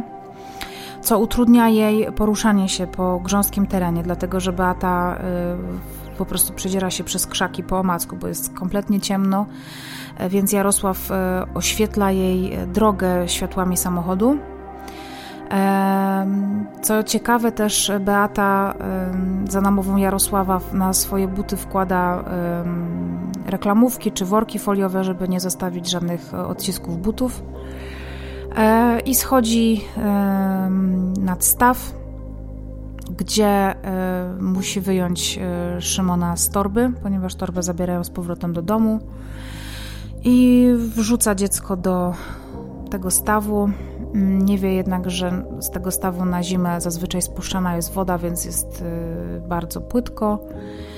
I chłopiec nie ląduje pod wodą, tylko zostaje na powierzchni kilka metrów od brzegu, y, ląduje na plecach, twarzą do nieba. E, Beata tylko w tej ciemności zauważa, że gdzieś po drodze zgubiła rękawiczkę dziecka i zaczyna panikować, gdzie ona jest. Ale czasu jest niewiele, ponieważ za chwilę może ktoś nadjechać, ktoś może wyjść z okolicznych domów, więc szybko wraca do samochodu i wraca razem z Jarosławem do Będzina. O 23 dojeżdżają do Będzina, podjeżdżają pod dom koleżanki Jarosława, oddają jej foteliki. Koleżanka składa im kondolencje z powodu śmierci matki Beaty.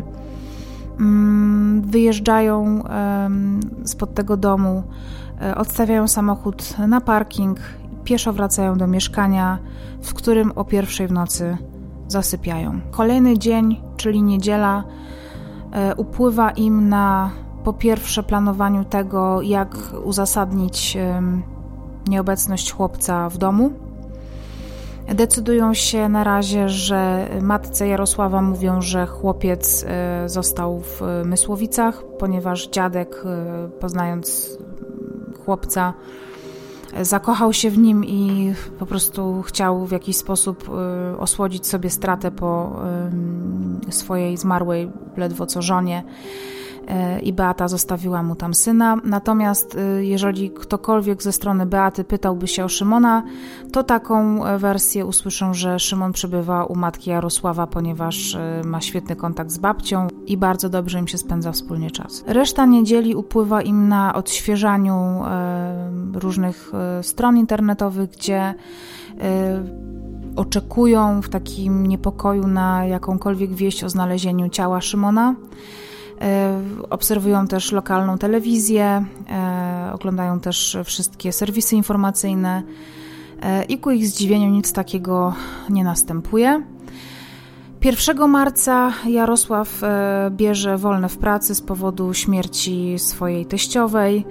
E, mówi też, że nie pojawi się w pracy przez tydzień. Mm, to zostaje oczywiście jak najbardziej e, spokojnie i normalnie przyjęte. Natomiast 1 marca z Beatą kontaktuje się jej rodzina, która mówi jej o, o szczegółach pogrzebu Przede wszystkim też do Beaty dzwoni jej ojciec, który pyta, czy córka pojawi się na pogrzebie. Beata odpowiada, że raczej nie, ponieważ nie ma co na siebie włożyć. I kiedy ojciec próbuje ją przekonać, że jednak byłoby dobrze pojawić się na pogrzebie matki, która ofiarowała jej właściwie całe swoje życie, kobieta mówi, że może się pojawi. E, w piątek e, kontaktuje się z nią natomiast jej e, brat przyrodni, ten, który został zaadoptowany, czy nie zaadoptowany, tylko właśnie przyjęty do rodziny zastępczej, który informuje ją, że po matce przysługuje jej jakaś tam część spadku i jest to 1500 zł i Beata się bardzo cieszy, twierdzi, że te pieniądze są jej bardzo potrzebne ale że musi dopełnić jakieś formalności, to ochoczo wskakuje w, jakiś środek komunikacji miejskiej i pojawia się w Mysłowicach. Pojawia się też pewien problem, ponieważ na 1 marca Szymon miał zaplanowane e, szczepienie takie obowiązkowe. Beata dzwoni więc do ośrodka zdrowia, e, czy tam do przychodni, do której należeli i informuje, że z powodu pogrzebu w rodzinie zagranicznego w dodatku to szczepienie odbędzie się później. Para przez jakiś czas nie wychodzi w ogóle z domu. Pewnie pozostaje w jakimś tam rodzaju szoku. E, przede wszystkim jednak obawiają się tego, kiedy zwłoki ich syna zostaną znalezione i jak szybko policja do nich trafi. Kiedy przez pierwszy tydzień nic mm, o jakichkolwiek wyłowionych zwłokach dziecka się nie pojawia w mediach, nieco się uspokajają. 18 marca kilku chłopców z okolic ulicy Wiślańskiej w Cieszynie przechadza się pomiędzy stawami rybnymi w tym mieście. Jeden z nich zauważa, że przy brzegu, kilka metrów od niego, leży jakaś czerwona szmata. Zauważają to, nie interesują się zbytnio tym znaleziskiem i wracają do domów. Następnego dnia ta sama grupka chłopców znów przebywa nad stawem i tym razem podchodzą bliżej i odkrywają, że to coś więcej. Na początku mają podejrzenie, że to przedziwnie duża lalka. Jeden z chłopców chwyta za patyk i chce dotknąć tego znaleziska. Jako, że głowa tej figury leży bliżej brzegu i do niej jest najbliżej, e, to tym patykiem trąca lalkę w policzek. Ten policzek okazuje się miękki, nie jest plastikowy. Chłopcy przerażają się i uciekają z nadstawu, biegną do matki jednego z nich i mówią kobiecie o tym, co właśnie znaleźli nad stawem. Pani Irena Kret, która mieszka po drugiej stronie ulicy w jednym z domów jednorodzinnych, nie do końca dowierza chłopcom jak może leżeć wielka lalka w stawie rybnym, e, która poza tym wygląda trochę jakby to było dziecko. Przecież na pewno e, dziecko nie leży w stawie o tej porze roku i no, ma pewne wątpliwości ale czuje duży niepokój. Chce zadzwonić na policję, ale jeszcze najpierw dzwoni do swojego męża, z którym konsultuje, e, co ma zrobić. Mąż e, mówi jej, żeby czym prędzej zadzwoniła właśnie na policję. E, kobieta zawiadamia o tym, że w stawie leży albo lalka, albo dziecko, które właśnie przed chwilą odkryli koledzy wraz z jej synem. Po chwili nad stawem już znajdują się policjanci, którzy też nie są pewni, co leży w wodzie, a właściwie to na jej powierzchni, tak jakby, bo wody w stawie prawie nie ma. E, nie mogą, e, nie są w stanie sprawdzić, co tak naprawdę leży. Mają wielką nadzieję, że jednak nie jest to dziecko, tylko że jest to lalka. Pani Irena Kret udaje się z synem nad ten staw, żeby sama na oczy sprawdzić, co tam się dzieje. I wciąż nie chce wierzyć, że jest to dziecko, ale to, co ma w głowie cały czas, to to, że jak na lalkę to dziecko jest zbyt posiniaczone, a poza tym ma bardzo opuchnięte usta, nienaturalnie wręcz. Raczej lalka nie miałaby takiej twarzy. Kiedy na miejsce przyjeżdża straż pożarna, jeden ze strażaków wchodzi do stawu i potwierdza najgorsze przypuszczenia, że w wodzie leży chłopiec. Pojechałam tam by na własne oczy zobaczyć miejsce tragedii, o której za chwilę dowie się cała Polska. To, co bardzo nas zaskakuje na miejscu, to ruch, jaki odbywa się na ulicy, na drodze, która właściwie jest tuż obok miejsca, gdzie wyłowiono ciało. W końcu udaje nam się znaleźć dokładne miejsce, w którym wyłowiono zwłoki chłopca. Pierwszym odruchu szukamy jakiegoś znaczka, tablicy, krzyża, znicza, czegokolwiek, co mogłoby to miejsce w jakiś sposób wyróżnić. Co nic nie ma? Też mnie to dziwi. Ale nad stawem po chłopcu nie ma śladu. Ku mojemu totalnemu zdziwieniu tutaj jest dom mieszkalny, czy jakiś, nie wiem, taki ośrodek yy, PZW, czyli Polskiego Związku Wędkarskiego. I tutaj normalnie parkuje samochód. Jak przyjechaliśmy, to też tutaj był inny samochód, więc e, rozumiem, że mógł tutaj być ktoś zauważony. Też trudną dla mnie do wyobrażenia sobie sytuacją jest to, że tutaj 18 marca bawili się chłopcy. I teraz widzę, skoro e, te zwłoki były 2 metry od brzegu, czyli właściwie na samym brzegu, to stąd, gdzie ja stoję, nawet gdybym stała jeszcze bliżej brzegu, bo tutaj muszę tak troszeczkę zejść, to to musiał być przerażający widok. Bo ja na początku myślałam, że te zwłoki gdzieś są e, dużo dalej od brzegu, że one były dużo dalej od brzegu, ale jak się tutaj po prostu stoi, to wyobrażam sobie, że, e, że to po prostu widać. I to musiał być bardzo przerażający widok. Ale zastanawia mnie jedna rzecz, mhm. bo chłopczyk był ubrany w czerwoną, jaskrawą kurtkę i od wyrzucenia zwłok do znalezienia go to jest 19 e, dni. Wciąż zastanawiam się, jakim cudem przez e, prawie 3 tygodnie te zwłoki tutaj leżały. One leżą z brzegu. Znaleziono je 2 metry od brzegu. E, no, czyli to jest po prostu na wyciągnięcie ręki. Mm, przy drodze, jeżeli jadą samochody z górki, to teoretycznie powinny te, to ciało zobaczyć.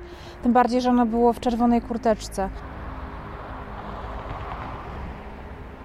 Jeszcze na miejscu policjanci wraz y, z pogotowiem, z lekarzami pogotowia pobieżnie ustalają przyczynę śmierci chłopca. E, lekarz pogotowia y, zakłada, że chłopiec zmarł nagle. E, jako, że zarówno policjant, który pierwszy ma styczność y, z ciałem, oraz lekarz pogotowia są bezdzietni, ustalają mm, wstępnie wiek dziecka na 4 lata. Lekarz pogotowia jest także przekonany, że do zgonu doszło kilka, kilkanaście godzin wcześniej. Więc policjanci czują, e, że za chwilę, dosłownie jak wrócą na komendę, dowiedzą się o tym, że wpłynęło jakieś zawiadomienie o zaginięciu dziecka, bo e, zawsze, kiedy giną dzieci, e, to rodzice czy tam opiekunowie bardzo szybko zawiadamiają służby i też bardzo szybko się działa, więc są przekonani, że po prostu w ciągu najbliższych godzin przekażą rodzicom tego chłopca tragiczne wieści. Okazuje się, że w ciągu najbliższych 24 godzin nikt nie zgłasza zaginięcia chłopca. Pojawia się więc pytanie: jak to możliwe, że nikt tego dziecka nie szuka? Pojawiają się więc pierwsze takie mm, robocze hipotezy że być może rodzice w takim razie nie żyją, skoro się po dziecko nie zgłaszają.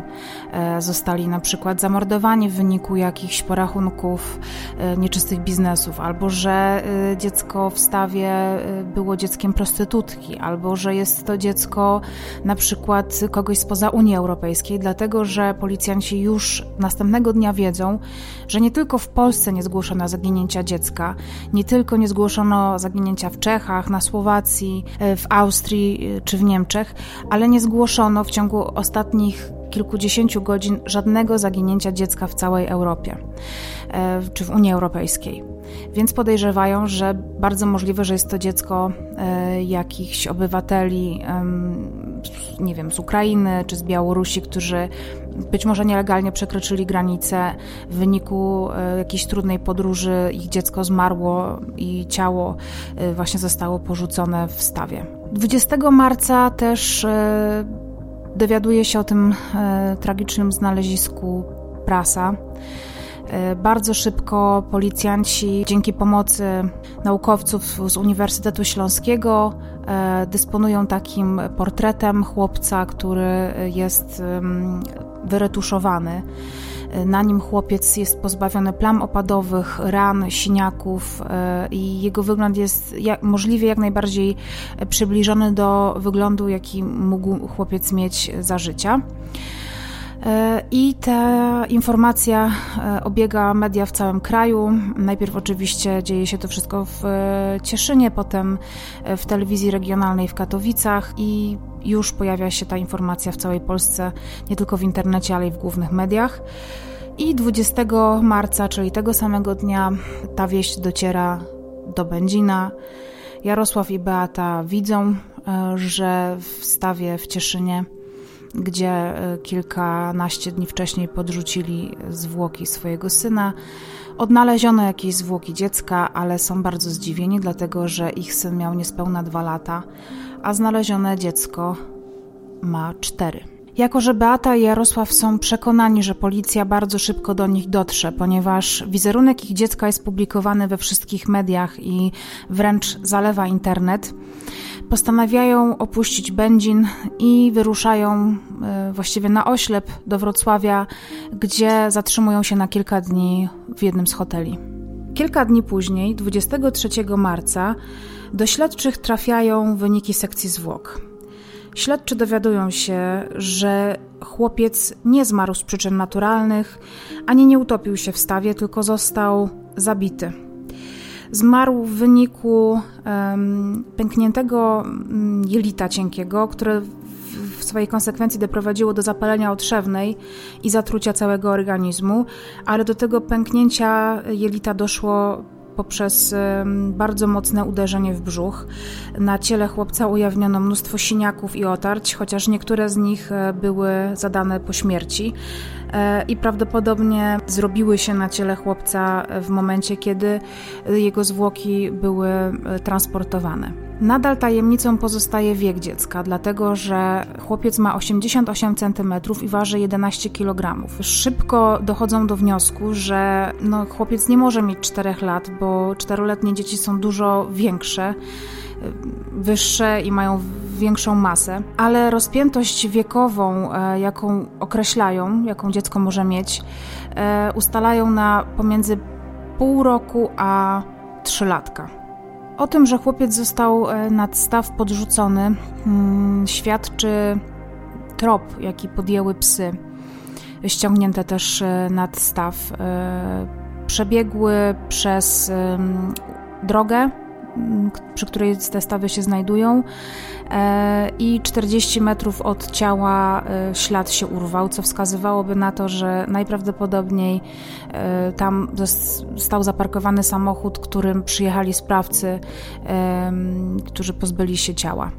26 marca zapada decyzja o stworzeniu bazy PESEL wszystkich chłopców w województwie śląskim między pierwszym a czwartym rokiem życia, których dzielnicowi z całego Śląska będą sprawdzać w domach, czy są, e, czy są zdrowi, e, czy istnieją. Śledczy na początku zakładają, że takich dzieci będzie około kilku tysięcy i z przerażeniem stwierdzają, gdy baza jest gotowa, że muszą sprawdzić 50 tysięcy osób. Nadchodzi kwiecień. W kwietniu, zaskoczeni tym, że nikt ich nie szuka, Beata i Jarek postanawiają wrócić e, do Będzina. Kiedy przyjeżdżają do swojego miasta i wjeżdżają do województwa śląskiego, e, są absolutnie zaskoczeni tym, że właściwie na każdym rogu widzą plakat e, swojego syna, który nawołuje ludzi do tego, żeby pomogli rozpoznać chłopca. Są trochę przerażeni faktem, że na zdjęciu Szymon ma ubrania, y, które znała babcia, na przykład y, mama Jarka, ponieważ widywała się z wnukiem dość często. Poza tym na tym zdjęciu Szymon wygląda jak on. Jest co prawda nieco zabiedzony, ma zapadnięte oczy, ma sine usta, no ale bliska osoba nie powinna mieć trudności z rozpoznaniem go na zdjęciu. Postanawiają przygotować się też na wypadek, gdyby śledczy dotarli do nich. E, więc szykują taką wersję wydarzeń, w której e, doszło do nieszczęśliwego wypadku podczas zabawy dzieci, że to siostra mm, Szymona, e, ta starsza, trzylatka, podczas zabawy zeskoczyła z łóżka tak niefortunnie, że naskoczyła chłopcu na brzuch, w wyniku czego doznał jakiegoś tam urazu brzucha i w konsekwencji zmarł. Oni w ogóle są przekonani, że Szymon zmarł na zawał serca albo zmarł ze strachu. Y, nie mają zielonego pojęcia, co tak naprawdę zabiło ich dziecko. Beata i Jarosław nie wiedzą jednej rzeczy: że ich plan tak naprawdę jest doskonały. I nie mają pojęcia, że czekają ich jeszcze dwa lata wolności. O czym nie wiedzą, to to, że od 10 y, marca toczy się w ich sprawie dyskusja pomiędzy dwiema instytucjami, mianowicie przychodnią, do której e, są zapisane dzieci, a MOPS-em. Ponieważ Beata nie zgłasza się z Szymonem na szczepienie, które miało mieć miejsce 1 marca, no chłopiec już wtedy nie żył, e, i nie dała w żaden sposób znać o tym, że nie będzie jej i dziecka w kolejnym terminie szczepienia. Nie odbiera też listów poleconych, więc ewidentnie ten kontakt jest utrudniony. 29 kwietnia kierowniczka MOPS odpisuje tej przechodni zdrowia, że mimo wielokrotnych prób kontaktu z rodziną, zarówno telefonicznych, jak i takich osobistych wizyt, no nie udało się z rodziną skontaktować, ale rodzina ta nie jest w żaden sposób odnotowana w MOPS-ie jako świadczeniobiorcy y, jakichkolwiek y, zasiłków, więc nie nadają tej sprawie jakiegoś dużego priorytetu. W kwietniu też przychodzi inny list, tym razem do Jarosława, w którym dowiaduje się o tym, że został e, dyscyplinarnie zwolniony e, ze swojej pracy za to, że przestał się po prostu w niej pokazywać. Jarosław bowiem wziął urlop z powodu pogrzebu swojej teściowej, ale już z tego urlopu nie powrócił i nie poinformował nikogo w pracy o tym, że tak będzie, co też bardzo dziwi jego byłych współpracowników, z którymi przepracował wiele lat i którzy uważali go za bardzo sumiennego, rzetelnego, i dobrego człowieka. Na Śląsku w tym czasie rusza sprawdzanie chłopców. E, dzielnicowi pukają od drzwi do drzwi, ale śledczy z czasem e, zauważają, że ta metoda ma bardzo, bardzo wiele słabych punktów. Pierwszy z nich e, to taki, że kiedy dzielnicowy wchodzi do mieszkania, to tak na dobrą sprawę przy czteroletnim dziecku jest w stanie odróżnić chłopca od dziewczynki, ale jeżeli dziecko ma rok czy półtora, to niekoniecznie. Po drugie, y, nie mają takiej możliwości, by sprawdzać faktycznie płeć dzieci. No nie mogą kazać zajmować pieluch i zaglądać e, dzieciom w majtki. E, kolejną rzeczą jest to, że przecież dzieci w tak małym wieku się odwiedzają, więc e, jeżeli nawet na stanie, tak w cudzysłowie teraz mówię, na stanie danego mieszkania zgadza się liczba dzieci, to niekoniecznie musi to oznaczać, że znajdują się wszystkie dzieci, które są w tym mieszkaniu zameldowane.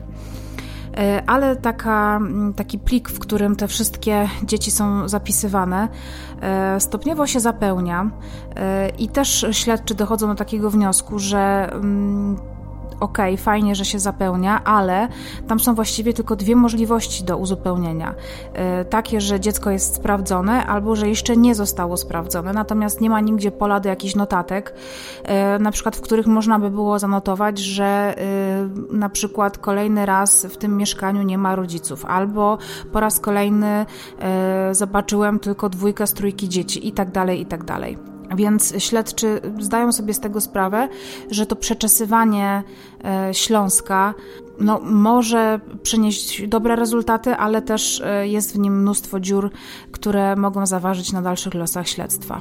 Przychodzą wyniki testu DNA, z których też nic nie wynika, e, ponieważ e, nie ma w bazie podobnego kodu genetycznego e, osoby notowanej, która mogłaby wskazać na pochodzenie chłopca. I jako, że kończy się już kolejny miesiąc i nadal śledczy nie mają żadnego tropu, Prokurator postanawia, że już właściwie nic nie powstrzymuje go przed tym, żeby wydać zgodę na pochówek i 30 kwietnia 2010 e, roku chłopiec zostaje pochowany na cmentarzu e, komunalnym w Cieszynie przy ulicy Katowickiej e, w bezimiennym grobie. Kiedy zaczęłam zajmować się tym odcinkiem i przygotowywać się do niego, wiedziałam, że jeśli jest jakieś miejsce związane z tą sprawą, które chciałabym odwiedzić i które potrzebuję zobaczyć na własne oczy, to właśnie grób Szymona. Jest bardzo ładny cmentarz. Jest na takim wzgórzu. Bardzo mi się tutaj podobają drzewa, które są porośnięte jemiołą. Ślicznie wyglądają. Z jednej strony widać willę, z drugiej bloki. Dział dziewiąty, dział dziesiąty. Po prawej od tego krzyża. Jest. Tutaj. Zwróć uwagę, że jest 19.03. Dzień znalezienia, tak. A nie... A nie data śmierci. Ma faktycznie dwie tablice, tylko jedna jest kamienna, a chyba po ujawnieniu już y, jego tożsamości jest Taka zwykła metalowa tabliczka z jego imieniem i nazwiskiem. Urodził się 14 kwietnia 2008 roku i zmarł 19 marca 2010. I do grobu jest, słuchajcie, dostawiona taka bułeczka, e, na której są maskotki i są różne figurki, jakieś słoniki, aniołki i też są autka takie, które mnie po prostu rozwalają. Są kwiaty, pali się znicz. Tu ktoś nawet mu lizaka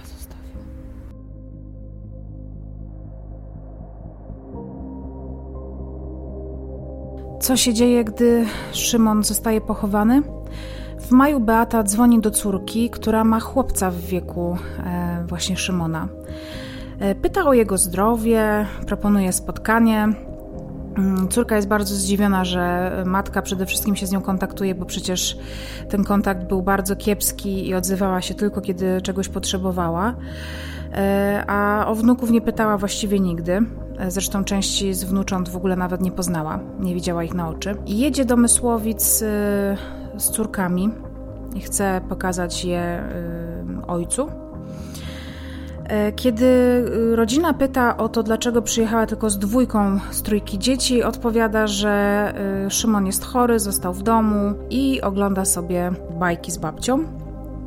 Tym samym czasie e, Beata właściwie podczas tej wizyty tylko i wyłącznie skupia się na jednym z wnuków, na Michałku, który jest w wieku Szymona i mimo, że wygląda nieco inaczej, to przede wszystkim właśnie ma mniej więcej tyle samo miesięcy co Szymon. Kobieta jest usatysfakcjonowana tą wizytą w Mysłowicach, wraca do Będzina e, i udaje się do MOPS, wnioskując o kolejne świadczenia ze zniżkami na czynsz i dofinansowanie wielodzietnej rodziny. E, w rubryce dzieci wpisuje imiona trójki swoich dzieci, w tym Szymona. W czerwcu z kolei e, informuje przychodnię, do której należy, że zmienia lekarza rodzinnego i ośrodek zdrowia i w tym ośrodku chce zarejestrować swoje dzieci, dlatego prosi o przeniesienie e, wszelakiej dokumentacji medycznej dotyczącej jej dzieci właśnie do tego nowego ośrodka. E, w tym miesiącu też Jarosław zostaje skazany na pół roku więzienia w zawieszeniu na mm, kilka lat, chyba na dwa lata, e, za niepłacenie alimentów na swoje pierwsze dziecko i zostaje tym samym pozbawiony praw rodzicielskich. 25 czerwca śledczy otrzymują informację od producenta pieluch e, Dada, bo taką pieluchę na sobie miał właśnie Szymon z dość pozytywną informacją, która pozwala im zawęzić obszar poszukiwań. Podana partia tych pieluch wyjechała z magazynu w Rudzie Śląskiej i była dystrybuowana w Sosnowcu i w Będzinie. E, oznacza to dla śledczych tyle, że y, obszar Śląska, który przeszukują i którym głównie się zajmują i na nim się skupiają, jest obszarem właściwym, jest strzałem w dziesiątkę. Śledcze z braku pomysłów na to, co mogą dalej robić, czy no, to nie są też braki pomysłów, ale są tak skrupulatni, że sprawdzają każdy egzemplarz odzieży, jaką chłopiec miał na sobie. Piszą do producentów, do sieci sklepów, e, patrzą na to, e, kto i kiedy i gdzie kupował poszczególne elementy ubioru. Jeden z producentów właśnie ubranka, które Szymon miał na sobie w dniu znaczy w, stawie, kiedy już y, nie żył, e, pisze, że ubranko było na tyle nieatrakcyjne i bardzo źle się sprzedawało, więc y, zdecydowano, mm, żeby rozdysponować y, to ubranie w różnych właśnie ośrodkach pomocy społecznej. Szczególnie właśnie było dystrybuowane do różnych mopsów w kraju. W sierpniu Beata dzwoni do swojej córki i proponuje, że weźmie jej syna do akwaparku. E, bo dostała darmowe bilety i chętnie spędzi z wnukiem trochę czasu, dlatego że miała z nim kontakt ostatnio i bardzo się polubił z jej dziewczynkami, więc e, bardzo chętnie się nim zajmie. E, córka zdziwiona jest bardzo tym faktem, że babcia tak bardzo się interesuje nagle jednym z wnuków swoich, ale się zgadza, przecież jest to dla niej korzystne, dlatego że ktoś zajmie się jej dzieckiem, a przy okazji będzie miało to dziecko jakąś atrakcję w postaci akwaparku, w którym jeszcze nigdy nie było. Następnego dnia wnuczek zostaje mm, odebrany przez babcię e, w Sosnowcu, bo Beata prosi o to, żeby córka podrzuciła e, jej e, dziecko do Sosnowca. Ona z tego Sosnowca go odbiera, przywozi do Będzina. i udaje się z nim na szczepienie do nowej przechodni, w której jeszcze nikt nie widział jej dzieci na oczy, więc nikt nie wie, jak wyglądał Szymon. Kolejne miesiące dla śledztwa są trudne, bo nic nowego się nie dzieje. Poza ciągłymi donosami i wskazaniami konkretnych osób i sytuacji przechodzą y, listy, anonimy, y, telefony, maile, żeby sprawdzali konkretne osoby. Y, dużo osób ma podejrzenia wobec swoich sąsiadów czy jakichś członków dalszej rodziny. Policja jest tym naprawdę wręcz zawalona, ale sprawdza każdy możliwy trop. W międzyczasie w Będzinie o Szymona pyta kilka osób. Przede wszystkim pytają e, córki Beaty, e, które nagle mają z matką lepszy kontakt. Pyta też przede wszystkim babcia e, chłopca, czyli mama Jarosława, która nie widzi wnuka nagle od kilku miesięcy, podczas gdy wcześniej miała z nim kontakt e, no, niemal codzienny. Pyta też przede wszystkim o Szymona konkubina wujka, który mieszka na górze i który ma takie samo nazwisko jak Jarosław. Głównie pyta dlatego, że e, nie pracuje i przebywa często w domu i widzi czasami, jak Beata wychodzi z dziećmi. Mm, zawsze widzi ją w towarzystwie dwóch dziewczynek, nie widzi Szymona. A też e, zastanawiają ją częste wizyty e, pań z MOPS-u, więc domyśla się, że musi chodzić o coś związanego z dziećmi, a skoro nagle jednego brakuje, no to coś jest nie tak. Po roku nieobecności Szymona w Będzinie, e, ta właśnie pani e, podczas przypadkowego spotkania z Beatą na ulicy, mm, kiedy znowu jest z dziećmi, ale bez Szymona, żartuje, że chyba musieli go sprzedać, skoro e, w ogóle go nie widać na, na dworze. Ale już kilka miesięcy później, bo latem, ten ton żartobliwy zmienia się w poważny i nawet nieco grożący bo kobieta mówi Beacie, że to nie jest dobre, żeby tak małe dziecko zniknęło na ponad rok e, z domu rodzinnego, żeby siedziało u dziadka, który w dodatku jest schorowany, że dziecko potrzebuje rodziców, że potrzebuje kontaktu z rodzeństwem. E, I co to jest w ogóle za pomysł, żeby oddać schorowanemu, samotnemu staruszkowi małego chłopca? Kobieta nie tylko wierci dziurę w brzuchu Beacie, ale wierci też ją wujkowi e, Jarosława. I mówi, że czuje, że coś jest nie tak, że kiedy pyta o Szymona, to Beata ją zbywa, że ta wersja się w ogóle nie klei, że przecież nawet jeśli dziecko jest tam na stałe u tego dziadka, to przecież są święta, są wakacje, a tego chłopca po prostu nigdzie nie widać. Jako, że Beata woli zejść z radaru wścibskim oczom sąsiadów, mm, woli wyjechać. Namawia więc swojego ojca, z którym y, nie ma zbyt dobrego i częstego kontaktu, by y, spędzić u niego trochę więcej czasu z córkami. Chce do niego przyjechać, zamieszkać na jakiś czas. Wakacje w 2011 roku Beata spędza w Mysłowicach. Jest to świetna okazja do tego, żeby wreszcie poznać wszystkie swoje wnuki, nie tylko Michałka. Kiedy ktoś zadaje jej pytanie o Szymona, bez którego przyjeżdża, mówi, że jest chory, że leży w szpitalu, że potrzebuje zastrzyków e, i że ma świetną opiekę babci. E, też e, Jarosław według Beaty się zajmuje Szymonem, a kiedy Jarosław przyjeżdża do Mysłowic, no to potwierdza tę wersję, że widuje Szymona na bieżąco. W lipcu 2011 roku policjanci decydują się sprawdzić trochę inną bazę danych, ponieważ e, wszystkich chłopców e, już sprawdzili. E, z, ze skutkiem takim, że nic z tych poszukiwań nie wynikło. Ale postanawiają sprawdzić dzieci, które nie były szczepione i nie były zarejestrowane u lekarza od marca 2010 roku. I taką listę zlecają, zrobienie takiej listy zlecają Sanepidowi. Wkrótce otrzymują 900 e, nazwisk chłopców w całym województwie. E, no i rozsyłają taką informację do różnych e, komend policji z nakazem czy z takim poleceniem służbowym, że dzielnicowi znowu muszą sprawdzić konkretne rodziny. Jest to przyjęte niezbyt entuzjastycznie. Mm, wiele, wiele, wiele osób nie wierzy w tę metodę uważa ją za stratę czasu. W międzyczasie atmosfera w Będzinie, czy właściwie u Jarka i Beaty się zagęszcza. Dlatego, że podczas tych wakacji w Mysłowicach teściowa Beaty, mama Jarka, e, odczuwa olbrzymią tęsknotę za wnukami, e, za całą trójką, za dziewczynkami i za Szymkiem e, i postanawia pewnego dnia zadzwonić do tych Mysłowic i postanawia zadzwonić do swojego syna. I akurat pech dla Beaty i Jarka jest takie, że Jarek akurat znajduje się w Mysłowicach, bo matka słyszy w tle dzieci. E, i bardzo prosi każdego z wnucząt do telefonu. E, pierwsza e, podchodzi starsza wnu najstarsza wnuczka, rozmawia z babcią, potem babcia prosi Szymona, Jarek ją zbywa, mm, więc babcia gaworzy sobie z tą najmłodszą wnusią, która ma już roczek. W końcu upiera się, żeby usłyszeć Szymona, więc Jarosław wymyśla taką akcję, że prosi właśnie któreś z wnucząt y, Beaty o to, żeby podeszło na chwilę do telefonu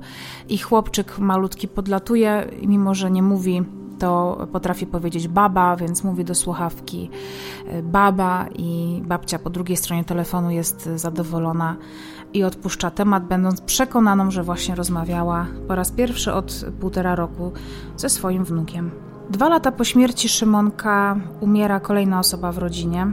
Umiera tym razem babcia Jarosława. E, na pogrzeb babci Jarek idzie z córkami, e, ale tym razem nikt nie pyta o Szymona. Tak jakby w ogóle o jego istnieniu zapomniano. W kwietniu 2012 roku zostaje umorzone śledztwo w sprawie chłopca z Cieszyna. E, mijają dokładnie dwa lata. Policja nie ma nowych pomysłów e, na to, żeby sprawdzać, e, jak sprawdzać chłopców. Nie ma żadnych śladów, tropów. I tyle. Sprawa właściwie przepada. Ale dwa miesiące później, w czerwcu, wokół mieszkania na Piłsudskiego zaczynają uporczywie krążyć jakieś kobiety.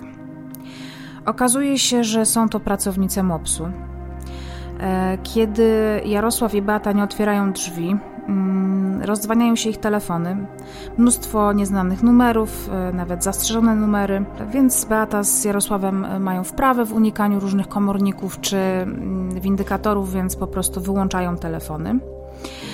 Ale e, po kilku dniach przychodzi do nich mama Jarka i mówi, że zaczyna do niej wydzwaniać MOPS, kilka kobiet z MOPS-u. E, i pytają o Szymona, ponieważ e, ktoś z kamienicy doniósł, że od dłuższego czasu chłopca nie widział, że on gdzieś przebywa w Mysłowicach, ale nigdy e, podczas dwóch lat nie pojawił się w kamienicy na Piłsudskiego. I kiedy jest właśnie u Beaty i Jarka i mówi im o tym, dzwoni do niej telefon i znowu kolejny pech dla Beaty i Jarka. Okazuje się, że jest to ktoś z MOPS-u i matka Jarka zmęczona już tymi telefonami i wypowiadaniem się w imieniu syna po prostu podaje y, słuchawkę y, Jarosławowi.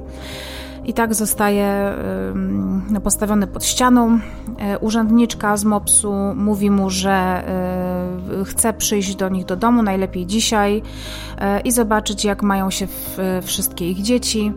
Jarosław mówi, że to jest niemożliwe w tym momencie, ale umawia się z kobietą na następny dzień, na piątek po godzinie 15. Beaty podczas tej wizyty matki nie ma w domu. Jarek szybko do niej dzwoni i mówi jej, że ma natychmiast e, jechać do Mysłowic po Michała, e, który ma u nich zostać na noc, bo jutro e, po prostu jest im potrzebny. Beata jeszcze absolutnie nie ma zielonego pojęcia o co chodzi, ale wykonuje karnie polecenie swojego partnera. Dzwoni do córki, pyta o zdrowie wnuka i prosi ją o to, żeby pozwoliła jej go zabrać, ponieważ ma jakieś bilety do cyrku ale córka w jakiś dziwny sposób kończy z nią szybko rozmowę, a potem już przestaje odbierać od niej telefony. Beata i Jarek lekko panikują, ponieważ zostają na lodzie.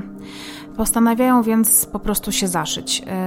W piątek rano odprowadzają dzieci do przedszkola, ale podczas ich nieobecności dochodzą do wniosku, że dziewczyny też muszą razem z nimi e, po prostu zniknąć e, po raz kolejny z radaru, więc odbierają wcześniej e, dzieci z przedszkola i barykadują się w domu. Kiedy przychodzą po południu kobiety umówione dzień wcześniej, na wizytę z MOPS-u. Y, małżeństwo im nie otwiera drzwi, nie odbierają telefonu i w taki sposób kończy się piątek. udaje im się uniknąć y, jakiegokolwiek spotkania z urzędnikami. I w poniedziałek Beata zauważa kątem oka, że ktoś wdrapuje się na ich balkon. Jest to strażak, który po drabinie wchodzi, żeby przez okno zajrzeć, y, czy ktoś jest w domu. Rodzina w popłochu ukrywa się za zasłoną, ale wkrótce zapasy się kończą i po prawie tygodniu ukrywania się 23 czerwca w sobotę ktoś musi wyjść z domu, żeby e, zrobić zakupy. Pada na Beatę. Beata wychodzi z kamienicy, idzie do żabki, która oddalona jest 80 e, metrów od bramy z ich kamienicy. W pewnym momencie podchodzi do niej mężczyzna, którego ona nie zna. Legitymuje się, mówi, że jest z policji i zaprasza Beatę do radiowozu, gdzie zadaje jej proste pytanie: czy chłopiec z Cieszyna to twój syn? Podczas pierwszego przesłuchania Beata nie okazuje w ogóle emocji. Jarosław, który przesłuchiwany jest kilka pokoi obok, e, rozpacza. Obwiniają siebie nawzajem, e, nie przyznają się do zbrodni. Nie udzielili synowi pomocy, bo są o to pytanie. Skoro był to nieszczęśliwy wypadek, to dlaczego nic nie zrobili, by dziecku pomóc? E, podają oboje moim zdaniem absolutnie bzdurny argument, mianowicie taki, że nie udzielali tej pomocy, ponieważ w domu była babcia, która się zasiedziała, a oni nie chcieli e, być wobec niej niegrzeczni. E, dodam tylko, że e, jeżeli faktycznie chcieliby ratować swoje dziecko, mieli ku temu wiele okazji i sposobności. A największą z nich jest fakt, że 400 metrów od bramy wejściowej do ich kamienicy znajduje się szpital, w którym każdy udzieliłby Szymonowi pomocy. Kiedy do śledczych dociera informacja, że to Beata H. i Jarosław R. są rodzicami e, chłopca z Cieszyna, sprawdzają wykaz, z ciekawości to robią, e, wykaz e, tych chłopców, których mieli wcześniej sprawdzić. Chcą wiedzieć, czy Szymon był na tej liście. Okazuje się, że na tej drugiej E, która była wykazem nieszczepionych chłopców e, z województwa mm, śląskiego, Szymon był na pierwszym miejscu. Pewnie zastanawiacie się, w jaki sposób doszło do zatrzymania Beaty pod domem. W jaki sposób policjanci w ogóle natrafili na to mieszkanie na Piłsudskiego 8 jest to mieszkanie, w którym Szymon stracił swoje życie. Kiedy przeglądałam materiały do tej sprawy, E, kilka tytułów, e, szczególnie w Newsweeku, na Onecie i jeszcze w, chyba w polityce, zaciekawiły mnie dlatego, że kładły nacisk na wścibskość. Ja uważam, że ta wścibskość y, potrafi się czasami przydać. I tak jest w tym przypadku, ponieważ osobą, która anonimowo zadzwoniła w pewnym momencie do MOPS-u, jest y, konkubina wujka Jarosława, która najprawdopodobniej nie wytrzymała albo nie kupowała już dłużej tych ściem, które słyszała z ust e, Beaty Jarka o Szymonie, e, zadzwoniła do MOPS-u, ponieważ wiedziała, że ten MOPS ma coś wspólnego z rodziną, ponieważ czasami listonosz też zostawiał u niej listy polecone do, do Jarosława i Beaty. Też przychodziły pracownice MOPS-u czy dzielnicowi, więc kobieta dużo wiedziała o tym, co się dzieje w tej rodzinie, mimo że nie miała z nią zbyt wielkiego kontaktu. Więc postanowiła zadzwonić do MOPS-u i powiedzieć, że w mieszkaniu e, pod nią od dwóch lat nie widać e, pewnego chłopca, na którego e, na pewno rodzina pobiera różnego rodzaju świadczenia. Pierwsze na trop tego, że Szymon najprawdopodobniej w tym mieszkaniu nie przebywa, i nie jest e, już członkiem tej rodziny. Wpadają właśnie pracownice MOPS-u, które po wielokrotnych próbach kontaktu e, z rodziną, jakiejś interwencji czy wizyty takiej środowiskowej, nadal nie udaje im się sprawdzić, jaka jest sytuacja w domu, zawiadamiają w końcu policję i ta, mając już dane rodziców, E, łączył kropki. E, łączy nazwisko Jarosława z chłopcem na liście poszukiwanych e, dzieci, czy tych dzieci do sprawdzenia. I w taki sposób postanawiają Beatę i Jarosława aresztować. Tajemnicą jest dla mnie to i myślę, że to, bo też bardzo dużo akt tej sprawy jest niejawnych, ale to, czy mm, policjanci dotarli najpierw do córek Beaty, tych starszych zmysłowic, które ewidentnie Mm, kilka dni przed y, tym, kiedy sprawa wyszła na jaw, przestały y, chcieć utrzymywać z nią kontakt, mimo że nic tego nie zapowiadało. Pojawiają się pytania. Po pierwsze, jakim cudem Szymon został zaszczepiony kilka miesięcy po swojej śmierci? Ponieważ policjanci docierają do tego, że jednak dziecko było w pewnym momencie szczepione. Po drugie, y, w jaki sposób y, dzielnicowy sprawdził, że Szymon istnieje, skoro na liście y, tych adresów domów, które były sprawdzone, to mieszkanie również figuruje jest oznaczone mm, znaczkiem sprawdzone i potwierdzona jest obecność dziecka. Ten dzielnicowy zarzeka się, że w tym mieszkaniu był, natomiast Jarosław i Beata są zgodni, że nikogo u nich nie było ze służb. E, oprócz tego pozostaje pytanie, w jaki sposób weryfikowane są e, wszystkie dokumenty, e, w, na przykład w MOPS-ie, ponieważ rodzina przez dwa lata pobierała zasiłki także ze względu na Szymona. Jak można było przez dwa lata ukryć nie tylko przed swoją rodziną, ale też przed wieloma instytucjami państwowymi śmierć dziecka? Wobec dzielnicowego, który na liście odhaczył, że Szymon istnieje, zostaje wszczęte postępowanie, które jednak po kilku tygodniach zostaje umorzone ze względu na to, że nie ma wystarczających dowodów, by stwierdzić, że doszło do zaniedbania jego obowiązków służbowych. Beatę i Jarosława męczy jedna myśl, mianowicie taka, co stanie się z ich córkami, z którymi w żaden sposób e, nie chcą tracić kontaktu. E, policjanci początkowo zapewniają ich, że taka sytuacja nie nastąpi, ale e, robią to głównie dlatego, żeby jak najwięcej informacji od nich wyciągnąć. W tym samym czasie, mimo że toczy się jakby postępowanie przeciwko Jarosławowi i Beacie związane właśnie ze śmiercią Szymona, e, ponieważ przed śledczymi i przed prokuratorem stoi bardzo e, duże wyzwanie, żeby ustalić jedną wersję wydarzeń, a wersja Beaty różni się od wersji Jarosława, ponieważ e, on twierdzi, że to ona uderzyła chłopca, ona twierdzi, że on ale w międzyczasie toczy się w ich sprawie także postępowanie o pozbawienie ich praw rodzicielskich wobec dwóch dziewczynek e, i tak się dzieje. Zostają ich pozbawieni e, jeszcze w tym samym roku, a dziewczynki zostają skierowane do adopcji.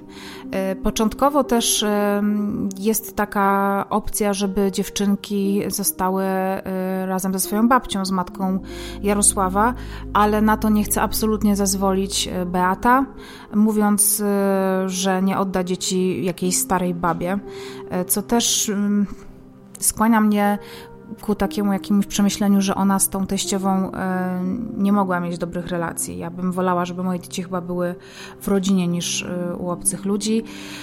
I do takich obcych ludzi w końcu obie dziewczynki trafiają, zostają zaadoptowane przez młodą rodzinę, przez takie młode małżeństwo, które ma także trójkę swoich dzieci i trafiają do E, domu w Sławkowie. To jest taka mała miejscowość pomiędzy Olkuszem a Dąbrową Górniczą. Proces Beaty Jarosława jest bardzo głośnym procesem. Toczy się mniej więcej w tym samym czasie co proces Katarzyny Waśniewskiej. To są dwie bardzo głośne sprawy e, dotyczące dzieciobójstwa. Tym bardziej, że e, co ciekawe, mimo że do zbrodni na Madzi Waśniewskiej dochodzi rok później, to mm, Katarzyna Waśniewska wpada dużo wcześniej niż wpada Jarosław z Beatą, ale drogi obu kobiet y, się przecinają w areszcie śledczym. Są one nawet przez moment w jednej celi, a Katarzyna Waśniewska zeznaje w sprawie Beaty i odwrotnie, y, chcąc prawdopodobnie mm, zyskać na tym jakieś niższe wyroki. Wyrok w sprawie Beaty i Jarosława zapada. Y, to on zostaje uznany za tę osobę, która uderzyła i doprowadziła bezpośrednio do śmierci dziecka. Jarosław otrzymuje 12 lat więzienia, Beata 10. ale kilka lat później w wyniku apelacji, która doprowadziła też do prawomocnego wyroku, ta kara zostaje im podwyższona i Jarosław dostaje 15 lat, a Beata 12, co oznacza, że wyjdą na wolność w 2024 Beata, w 2027 Jarosław i będą wtedy mieli Beata 52, a Jarosław 56 lat. Kiedy rodzice Szymona zostają skazani i trafiają do więzień, babcia Szymona, mama Jarosława, stara się o to, żeby przenieść jego grób e, do Będzina. E, ale nie pozwalają na to mieszkańcy Cieszyna, ponieważ grobem chłopca przez e, kilka lat opiekowały się opiekował się Urząd Miasta, bo taki bezimienny grób jest własnością miasta i miasto nie chce um, Szymona oddać nikomu innemu. I uważam, że jest to taka. Um, hmm. W zapowiedzi nazwałam to gorzkim ukojeniem i szczerze powiedziawszy, nie jestem w stanie dobrać lepszych słów, bo właśnie takie mam uczucie, kiedy myślę o tej sprawie. E, bo Szymon, który był dzieckiem o którym wszyscy zapomnieli, e, którego nikt nie widział, nikt nie szanował. Jego rodzice traktowali go okrutnie, po prostu okrutnie i okrutnie też zakończyli jego życie. To ta świadomość, y, jak bardzo jego los poruszył całą Polskę, jak wszyscy starali się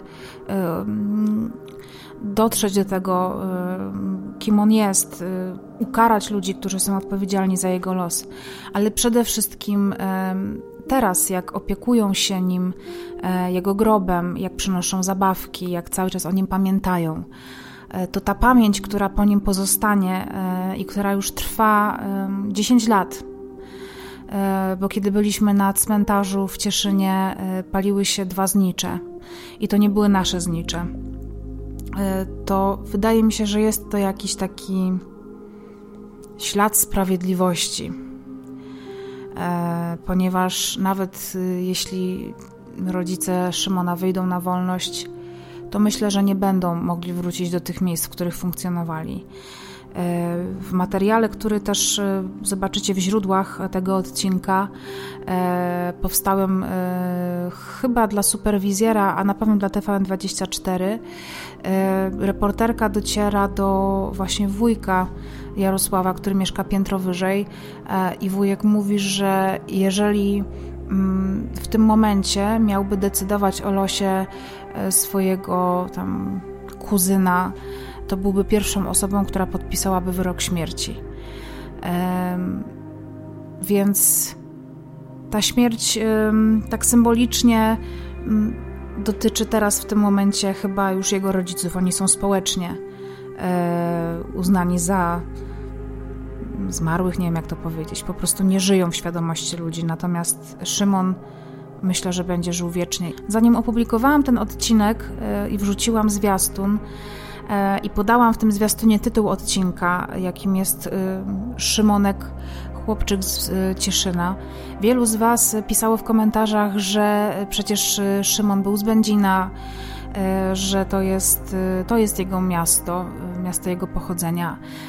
Oczywiście nie mam co polemizować z faktami. No, Szymon urodził się w Będzinie, tam też spędził całe swoje życie, ale dziś to nie jest chłopiec z Będzina, to jest chłopiec z Cieszyna. To tam, e, to tam ta ziemia go pokochała, przyjęła, zaadoptowała. To tam ludzie e, ufundowali mu nagrobek, to tam przyszli na jego pogrzeb. E, I mimo, że jeszcze wtedy nikt nie znał jego imienia, nie wiedział nawet skąd jest, czy jest Polakiem, czy nie jest Polakiem, ile ma lat, jaka jest jego historia, to kilkaset osób towarzyszyło mu w tej ostatniej podróży. Mm, ja nigdy już nie pomyślę, szczególnie po tej podróży, którą odbyliśmy właśnie do Cieszyna na grób Szymona, że jest to chłopiec pochodzący z Będzina. To jest po prostu jeden z nich i tak zresztą traktują go Cieszynianie jako swojego chłopca, swoje dziecko, o którym zawsze będą pamiętać e, i którego noszą głęboko w sercu.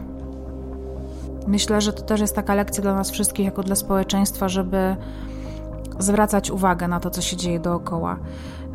Może niekoniecznie musimy wchodzić ludziom w życie z butami, ale warto mieć e, na uwadze to, że są wokół nas dzieci, e, o które nikt nie dba, e, o których nikt nie myśli i o których nikt nie będzie pamiętał, jeśli nagle pewnego dnia znikną.